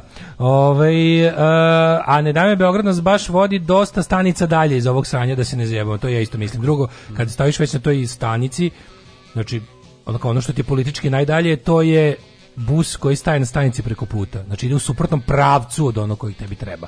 Potpuno u drugom smeru da kažem. A ovaj kako se zove a ti hoćeš da mm, ideš na drugu stranu. Znači već već si u plusu ako si na pravoj stanici. Da. Pa onda kao čak i busevi koji krenu, otići ćeš dalje od ovog mesta, a bliže onom na kom želiš da bude. Tako da da, super je. Super je ovaj analogija. Ovaj kad ste se vi posvađali imala sam fleševe na svađi mojih roditelja i opet sam se osjećala kao malo bespomoćno dete i uznemirilo mi. mama, tata, nemojte se nikad više svađati meni se sviđa što su krenuli u obuku i prikupljanje kontrolora tako je, bio sam član izborne komisije ima mesta da se spreči krađa, naravno Ovaj ja vas baš i slušam i plaćam zato što znate da poludite, jer znam da onda nisam jedini. e, pa onda ovako, ovaj kad prestolonaslednik govori bolje srpski od tebe, onda ti srpski verovatno nije prvi jezik ili si samo debil, nema treći. Da. Ovaj devojka prvi put u životu videla Daška na protestu, kaže pa on uopšte nije debelo. Pa nije debelo, on je mm. stav, on je momak. Ove, ovaj, kaže pa njima se tamo aplaudira ko meni kad sam izmucao pola pesme na priredbi osnovnoj. Kako bre da oni budu realni? Recite mi da Žarko Korać nije predavao na SNS akademiji, ne znamo tačno, ali mislim da jeste, zato što verujete vi ne znate ta škola tog ta, ta škola takozvane profesionalne politike koja je sve kao biznis i politika. Tamo stoluju ljudi bez onog što mi zovemo moral. Tako da politička akademija, to ti ljudi ko tu kome piše govore, ko koga koučuje za nastupe. Čekaj, Žarko jako Korać biste se, tamo. Da, jako biste se iznenadili, ne. Da. tako da bi vam to slomilo srce na pet mesta. Ali da evo ja mogu da vam kažem nešto, postoje ljudi koji ipak nisu takvi. Znači e, ima ljudi koji su, znaš, i tu ima gradacije, verovali ili ne. Pa sigurno, ali u da principu kako volimo moćni portir majicu. Da, jako mi drago. Ali je ovaj... Je jako dobro zašto je genijalan je ovaj, pored toga što je genijalan dizajn, jako je dobar materijal. Kroj, ne, da, da. materijal je jako Mislim, dobar. Mislim, to ona iz, iz da. tube krojena. To je neka pi, pijamska majica. Da, iz, iz tube krojena. To je jako prijatno. I nema šaf sa strane. I mm. ovaj, eh, kako se zove, Uh, ljudi koji ljudi, ljudi koji tako mislim znači da postoje ti ljudi on on je verovatno sebi u svojoj glavi to pravdao time kao a ja sam na prvom mestu psiholog a angažovali su me da odradim neke manje više kao i stručne stvari Za mene je to naravno neprihvatljivo i to za mene jeste nitkovluk, ali ovaj, naravno njegov stepen krivice nakon revolucije utvrđivaće Narodni sud. Ne, mislim. Ali mislim razočarenje je tu pa je tu. Pa, pa, mislim njegov stepen krivice je jednako razočarenje, mislim, šta pa, koji da. stepen krivice? Pa nije stepen, stepen krivice, krivice, mislim kako ti kažeš. Pa mislim kažem ti ono, znači malo jeste, ovaj. Sarađivao si s nepetom. A dobro, nije petenca, da nije, ne preteruje, nije, nije, nema ima preteruje. Pravim ja razlike. Ne možeš kad kažeš sarađivaće, meni kad kažeš sarađivaće, sarađivao si s neprijateljem, meni odmah ono. Moj knjizi ima stepeni saradnje. Ha, ali i, i stepeni Budi saradnje... malo Mirko Tepovac, jel te nemoj odmah biti... I stepeni saradnje zavisi od uh, momenta u kojem se dešavaju, razumiješ? Da, pa znači, moraš, uh, što više vremena protekne, što ti više, što ti je jasnije s kim imaš posla, a pristaješ na saradnju, to si ipak krivlji, zar ne? Mm, da. Mislim, da. tako da ono kao, znaš, ne mogu da kažem da su mi svi koji, koji će se naći pod uh, banerom Evropska predstavnica kulture su mi jednako krivi, ali su mi ali su mi krivi. Znači, tako da ono, mislim da kako ti mislim da se može e, u velikoj meri ne sarađivati s njima i dalje. Može. Može. Očekuje se poskupljenje guma, a najavljuje se i nestašni, nestašica. Ovaj, dale, ulazimo u period godine kada, kada treba ovaj, pre, promeniti e, stavi drugi gume na svoj automobil, to jest ili kupiti nove ili ih promeniti Kakva je situacija kada ja si uzeo Maded Snow koja se e, koristi ne, za cijelu godinu? ja ne verujem u zimski Ti ne veruješ u zimski da, gumer. E, ne sa nama, ti, sa nama antizimski gumer. Antizimski gumer čovjek koji za tebe verovatno zemlja... Ovaj, Objasnit ću ti ja kasnije. Da. Ove, ovaj, imaćemo ne, pesme. Imaćemo neke teme, ja se nadam da ćemo stići. Hoću, konačno da se čuje glas nas antizimskih gumera. Fukaš, mali, fukaš, a? Fukan, gospod magister. E. Fukam. Tak, tak, tak, tak, tak, tak, tak. Svakog radnog jutra od 7 do 10. Alarm. Okay.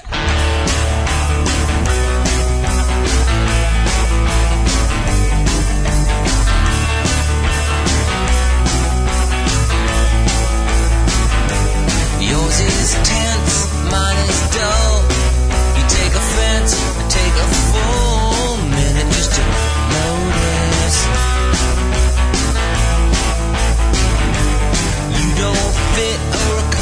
date.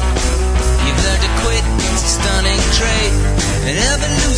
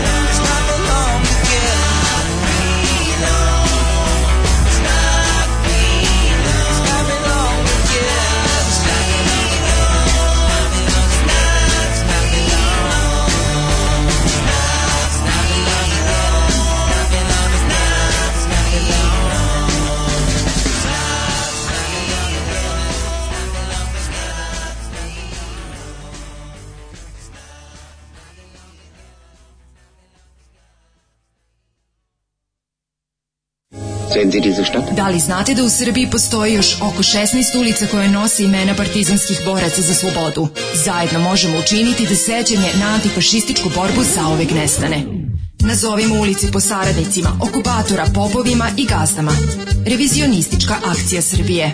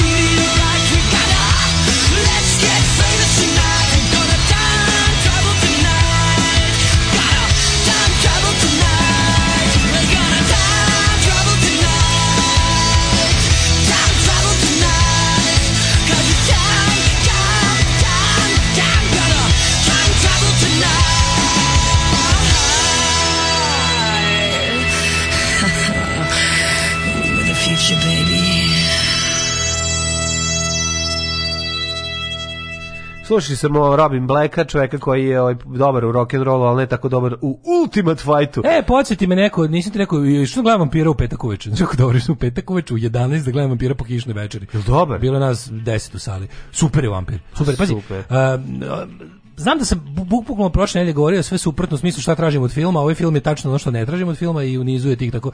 Priča nije važna, nije nešto, da. radnja je nelinearna i nije ono, nije radnja, nije, nije film radnje, nije film priče, kao, mhm. više film simbola i ono, aha, što. Aha. Do, dos, mislim, nije dosadno, sporije, sporije da, mučenje, ali vizualno jak i, i, i prepunje ono, metafori alegorije, tako da ono, ovaj, meni je prijao. Znači, super što imaš ga, imaš ga, odeš lepo u Cineplex, ono, salu broj 6, projekcija je uveč u pola 11, još sam kaže tišao po kišnoj večeri kad nije grad je bio prazan petak večer.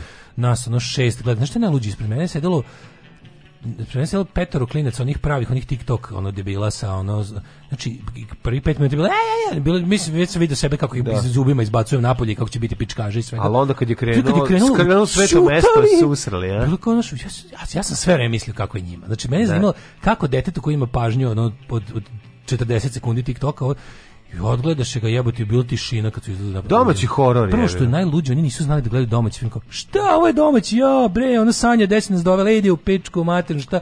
Neće gledati domaći film. Da, da, da. Pa je da. već bilo kao ono. I sad tri klinci i dve klinke. I sad ove klinci naravno će budu zanimljivi klinkama da budu duhoviti i bacaju te neke loše, pa smeju se na otprilike. E, ono glumica se zove, ne znam, Sek, da. ono Slavica, ne, ha, Slavica. Znaš. I kad krenulo ono, kad krenulo onako baš da bude. Slavić izašla kljova. Majko mil, ima, ima jaki film, znači upečatljive, jako ima, preporučujem. Ali ima... Film, film je jedno anti-selo traktat, ono, da. small town, small minds, ono, znači, film je u fazonu kao Srbija je jedno, jedno groblje, što je najluđi film koji je pravi, čovjek koji je pravio film je Srbin koji nikad nije živio ovdje. Verovatno, verovatno je počeo da dolazi u poslednje vreme češće, i osjećao se kao taj čuvar groblja u istočnoj Srbiji. 100%, 100%. Da, tako da preporučujem vampira. Ono, meni. Mislim, mislim da ćemo i tekako, ovaj, e, siguran sam da će, za, čim, ono, ako bude ikad prikazan televizija, verovatno hoće da će biti proglašen za antisrpski, što ga čini super filmom, naravno, ne. automatski. pa ako krenu do da Kenja, ako masa Kenja, znaš da je dobar. Da. O, ovaj, ako puno ljudi kaže da je loš. Da. A, građanima koji još nisu zamenili letnje gume zimske, e, zimskim savjetu da to urade što pre iz dva razloga, naravno da bi čuli obe strane strane. Ove, sa nama je danas u gostima anti-zimski gumer ove, Daško Ja ne volim da se tako kaže, prvo to je posprno, da. to je judeo da. satanistički oblik e, kojim se tako govori da... Vi ste gumoskeptik, Ja tako? sam zimsko gumoskeptik. Skeptik, okay, znači, ja. ja sam uradio neko svoje istraživanje Ove, sedeći na WC šolju do Kenjam sam da. video na nekim sajtovima, mm -hmm. pogotovo na mislim koji krije ravna guma.com ima mi da, da. svoj kanal mm -hmm. koji je znači naučnik kog je CIA ubila 54. Da, jer je otkrio univerzalnu gumu za sve, mm -hmm. ovaj, kako se zove, zim, za sva ovaj da, godišnja da, da. doba. Da. John Madden Snow, je li tako? John Madden Snow. Da, da, da. Da, inače poznat, inače čovjek je bio Srbin, poreklo malo se zna. Da. Baba moja Tako je. Baba moja Srpkinja, ovaj, oni pobegli od komunista. Mm -hmm. Uglavnom, ovaj, e, želim da se čuje druga strana. Mm -hmm. Ja nisam, hoću da kažem nešto, mi nismo automatski protiv. Tako je. Samo želim da se čuje i naša verzija, jer u medijima koje drže, e, koji drže ovaj, e, guma mafija, Guma mafija, da, da. guma komafija, ovaj, se redko čuju se redko čuju glasovi nas naci, ovaj, nas kako drugih narode, narode, narode, da. Da, Ove, ovaj, dakle vi nemate problem sa tim što su gume skupe, vi mislite da to nije pravi razlog. Prvo pravi zašto su gume skupe? Da, to je prvo. Ste se nekada zapitali? Da, nisam. Ako pogledate recimo da. gumu, mhm. te šare na, na, na novim da, gumama. Da, Ako da. recimo uradite, evo, evo recimo jednostavan da, eksperiment uradite. Uzmite, uzmite novu nam, gumu, uzmite novu gumu, ne, skuplju neku i e. namažite gume ovaj nekom bojom da. recimo. Mm -hmm. I onda u svaku treću šaru sa desno, svaku treću šaru koja ide ka desno od da. centra točka um, ka napolje od da, automobila. Okay. Znači, napun... u, pra, u smeru Kazaljke da, do napunite čistom živom. živom da. I onda pređite preko znači, jednog da. običnog evo, komada drveta izlakiranog onim parket lakom mm -hmm, mm -hmm. i ostavite sedam dana. Da, da ne, da... Evo, neću da govorim šta ćete da, vidjeti. Da, ali da ogrezne. Neću da govorim da. šta ćete vidjeti. Ali ćete o, kad vidjeti. budete vidjeli, e, da. onda razmislite da li zimske gume su potrebne ili zapravo povećavaju rizik od smrti. Postajem polako gumo, ske, zimsko gumo Ne, ne, daću ti, ja treba da gledaš, vidi, ima čovek s njim, je sve stoje na ja YouTubeu. Ja čoveka koji mi je pričao da ove ovaj, bivši policajac, da jako, znači, da je guma kramponka jako Stanisl, važna. Stanislav Anastasijević. Da, da. Bivši policajac iz stane, Loznice, stane, da. da, da. Čovek koji je izgubio posao jer je otkrio tu zaveru, znači. Jasno, jasno, jasno, da. Znači, šta znači, je, je njegov metod? Na, on je njegov YouTube kanal u saradnji jasno. sa doktorom jednim koji je stvarno ono prizna doktor kvantne mm. medicine. Doktor Živago. Čadi dog, znači apsolutno jedan, mislim čovjek koji je radio na najboljim homeopatskim klinikama u ovaj u Americi mm -hmm. i u širom istočne ove zapadne Evrope je ovaj oni su zajedno znači mm -hmm. otkrili tu istinu. Mislim naravno ti ti ne znali znaš da Pirelli. Znam jedna guma za da Pirelli, sve veže, vi imate vaše. Pirelli. Tako je. I Continental i mhm. ovaj kako se zove e, Dunlop. Dunlop, mm -hmm. da, z, a, oni zajedno kada kada se napravi kada se anagram toga da. svega da. i kada se numeričke vrednosti Čekajte, uzmem levu, napiši, prednju napiši levu Pirelli, napiši, prednju desnu uh, Dunlop. To je, to je, to je, to nemoj da, no, zimsku. Zimsku. To nemoj ni da pokuša, znači ne da vas plašim. Čekaj, koja kombinacija Ali mislite je? na svoju decu. mislite na svoju decu, znači to je možda ne, to ne bi preporučio da. da se ulazi u takva kola, čak ni parkirana. Čekajte, koja, koje kombinacije su ovaj dozvoljene? Nikakve, znači zimska guma je prvo prevara, zimska mm -hmm. guma ne postoji. Ne postoji, da, da. To da. ne postoji. Drugo, to što da. oni rade gumo mafija. Mm -hmm. Njima je cilj da prodaju što više guma. Ja ne znam da vi znate. to, to ja mislim to je mi smo na našem samitu ja otkrivanja da je, tople vode. Ja sam to... čuo da je ovaj da je, da je, da je prva zimska guma obično dolazi besplatno, je l' tako? Ja na autobuskoj stanici dođe. koliko puta sam ja išao? Evo, znaš da sam ja sam 10 prvi put dobili besplatnu zimsku gumu pa da se navučete pa ne, da vam posle ne, ne prodaju. Tako, ne, Kako to, rade? To ne rade oni tako. Ne. Znači prvo da ti kažem. Meni je čovjek na da- autobuskoj stanici ponudio besplatnu zimsku gumu. Ne, ne, to to je znači kad uzme, uzme napišite na papir ovo mm -hmm. jednostavno, napišite Pirelli, napišite Continental, ali na srpskom, zato što jezik oni su to sakrali, nemojte da, da Continental, da, nemojte Continental, Continental, Trial napišite sa AJ, da. ne sa Tigar ti, tigar ne morate, to se isto piše. Mm -hmm. I onda to sve kad, na, znači uzmite, napravite uzdužne piste. Onda uzmite mhm. svako, Šest svako slova. treće slovo i svake druge reči, mm -hmm. pa saberite sa svakim tre, drugim slovom iz svake da. prve reči. Zbir cifara koji dobijete da, kad da. se da. podeli sa 6 e, dobije 666. Ne dobije se baš 666 jer bi to bilo previše očigledno jer oni ne rade tako. Dobije Aha. se 667. Što je u stvari 666? Što je gotovo 666 zato što da su stavili 666 ljudima bi to bilo jasno i niko ne bi kupovao zimske gume. Ovako prodaju. Pozivaju se svi dimničari da odmah nastave rad u reonima u kojima su do sada radili. Alarm! sa Daškom i Mlađom.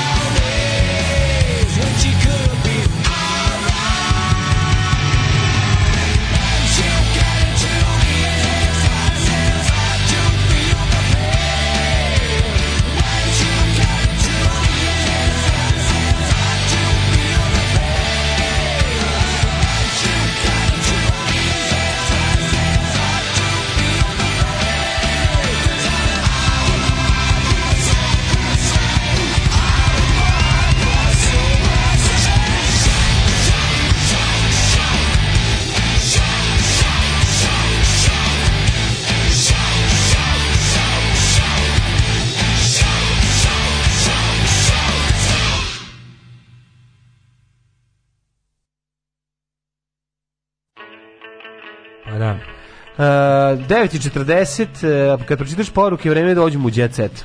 Synthesizer se super svira uz Teu Tajirović. Opšte poznato su sinjske gume izmišljene da bi policija kažnjala građan koji ih nemaju i tako punila džepove Vučiću. Ja sam u opoziciji večno ću voziti neizlezanim letnjim gumama. Da, ima to, ja sam razmišljao malo o tome dok sam čitao ovu poruku, palo mi na pamet. Da, vidiš, ja tačno znam na koji način da zapravo želim da ova priča krene u narod. E, znam na, na, na koju bi, gde bi čačkao. Jer, da, da. ti znaš da je zapravo, mislim, kod nas, govorim za svet, a to da se da, da pređeš na ludački način razmišljamo nekoliko metoda. Kod nas je iskorišćen onaj prilično da kažem zdravorazumski. Ovde ljudi su to što jesu Ovaj zbog toga što zaista ne veruju u, u, u institucije kojima su ceo život plaćaju da im kažu šta treba. Ne veruju institucijama, onda, to je suština. Onda je fore što kod pa da. se lako zapatilo, znači tu. Pa da. Kad vidiš da u zemlji koja manje više funkcioniše, ljudi dođu do. Ali nigde, ali manji broj ljudi ali, je tamo. oni kod nas su ovi ljudi napravili pravi problem. Kod nas su ti ljudi Mi smo najmanje vakcinisana zemlju u Evropi. Pa da, da, da. To su najviše mrtvih. Najviše mrtvih. Pa da, da, po glavi stanovnika. Najviše mrtvih po glavi pa da, stanovnika, da, po glavi se računa na milion. I ono kao mi smo stvarno kod nas su nam kod nas je Facebook nam je jebo keve sa vakcinama. Ono. Pa da. Sa, sa antivakcinama. Sa antivakcinama, pa da. Da, ovaj, proste, samo da se zna da postojimo i mi letnje gumaši skeptici. Mi nikad ne skidamo zimske gume. Mislim da sam to ja zapravo. Studija Stalingradskog univerziteta je pokazala da vožnja letnje zimske gume ne smanjuje broj nesreća za 100%. Da, da, viši, ja to je mislim da dobro. da ja, imam, ja, ja sam Madden Snow. Pa ja sam A pa mislim da kad živimo podneblju da nije ni bilo. Ti si ono. John Madden Snow. Da. Pa nema drugi, to je najbolje. Mislim, to je, Jebačkava muzika od jutros. Ljudi koji... Uh, General Patton je ubijen jer nije dozvolio Big Tire kompanijama da im tenkovi pređu na zimske gume. ali nema veze, ali su posle stali zbog toga.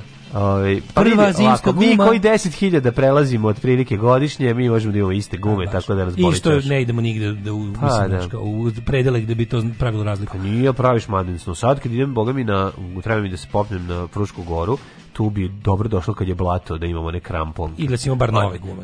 Ili nove gume, pa, da, da, da. da nove, Za početak. Nove letnje su bolje od izlizanih zimskih. Tako je. Prva zimska guma je došla tiho nezvana Sava. Sava Kranj. Sava Kranj. Ajmo Molim da djece. da se zove pneumoskeptik. To zvuči baš dobro. Pneumoskeptik. Ali pneumo zvuči malo pneumo... Kao e, pluća. Da, da, da, da ne, da. pa zato jače zvuči. Da, da, da, zvuči da, jako dobro. Da. Pneumoskeptik. Molim vas da se danas jako lepo osvrnete na Teo Tereviću djece. Tu molim vas, dosta nam je teških tema. Liži šaru robe. Gde je ovaj... Gde Šta je? mi ninja s univerzalkama da radimo? Daj dvije u Teo Tereviću. Ajmo, ajmo, ajmo, idemo u Teo Tereviću. Jel ima? Pa, nadam se.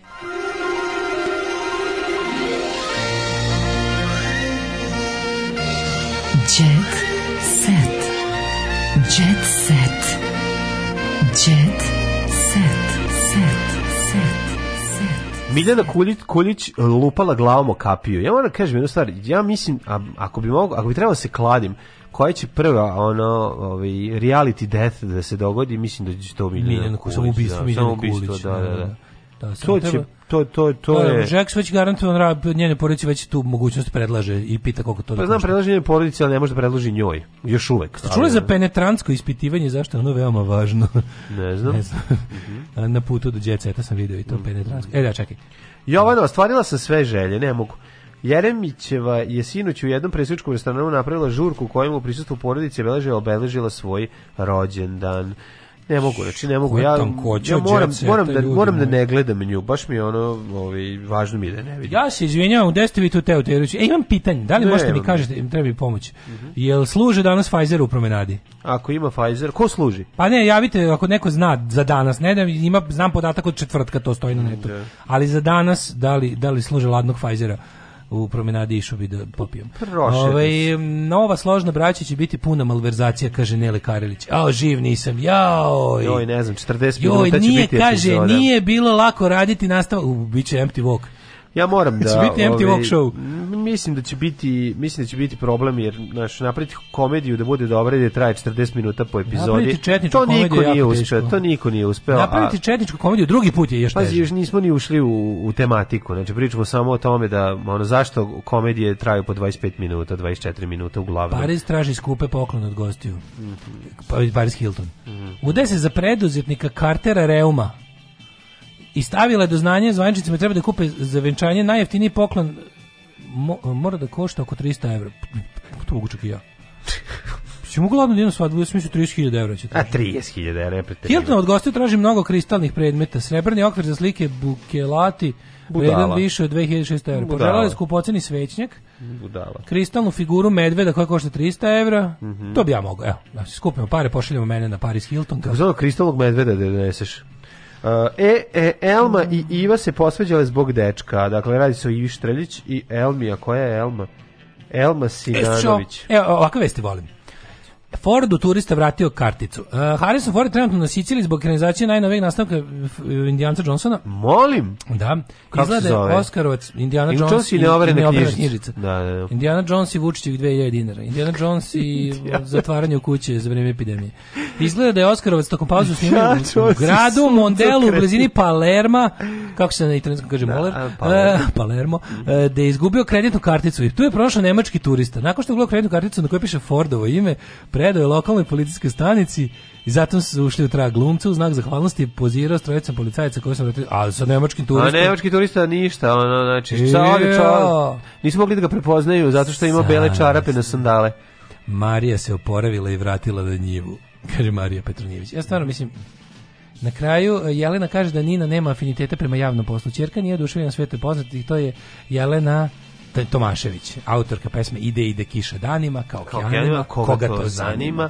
I to bi bio moj ceo celcijati djece. U Ritopeku na svadbi sam dobio bakšić od 110.000 maraka. E. I odmah sam kupio auto Erao Jedanić. Šta da ti kažem? Erao znači, Jedanić. Ako, ako, je, da. ako dobio? postoji 110.000 maraka.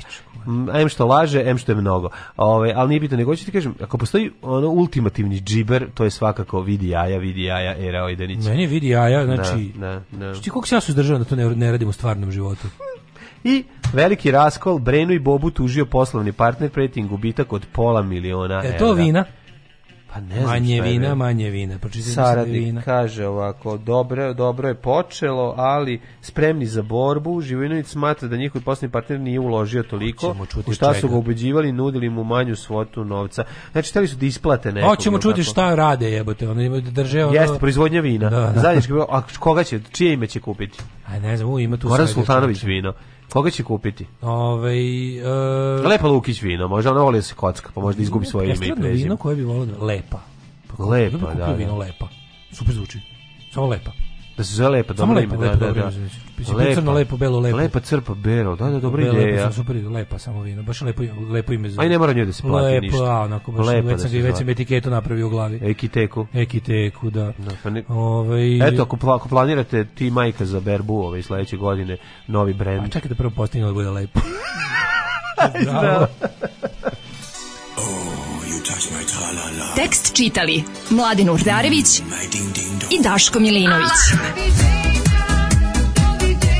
Ton majstor Richard Merc. Realizacija Slavko Tatić. Urednik programa za mlade Donka Špiček. Alarms svakog radnog jutra od 7 do 10. Oh, you touch my tra-la-la.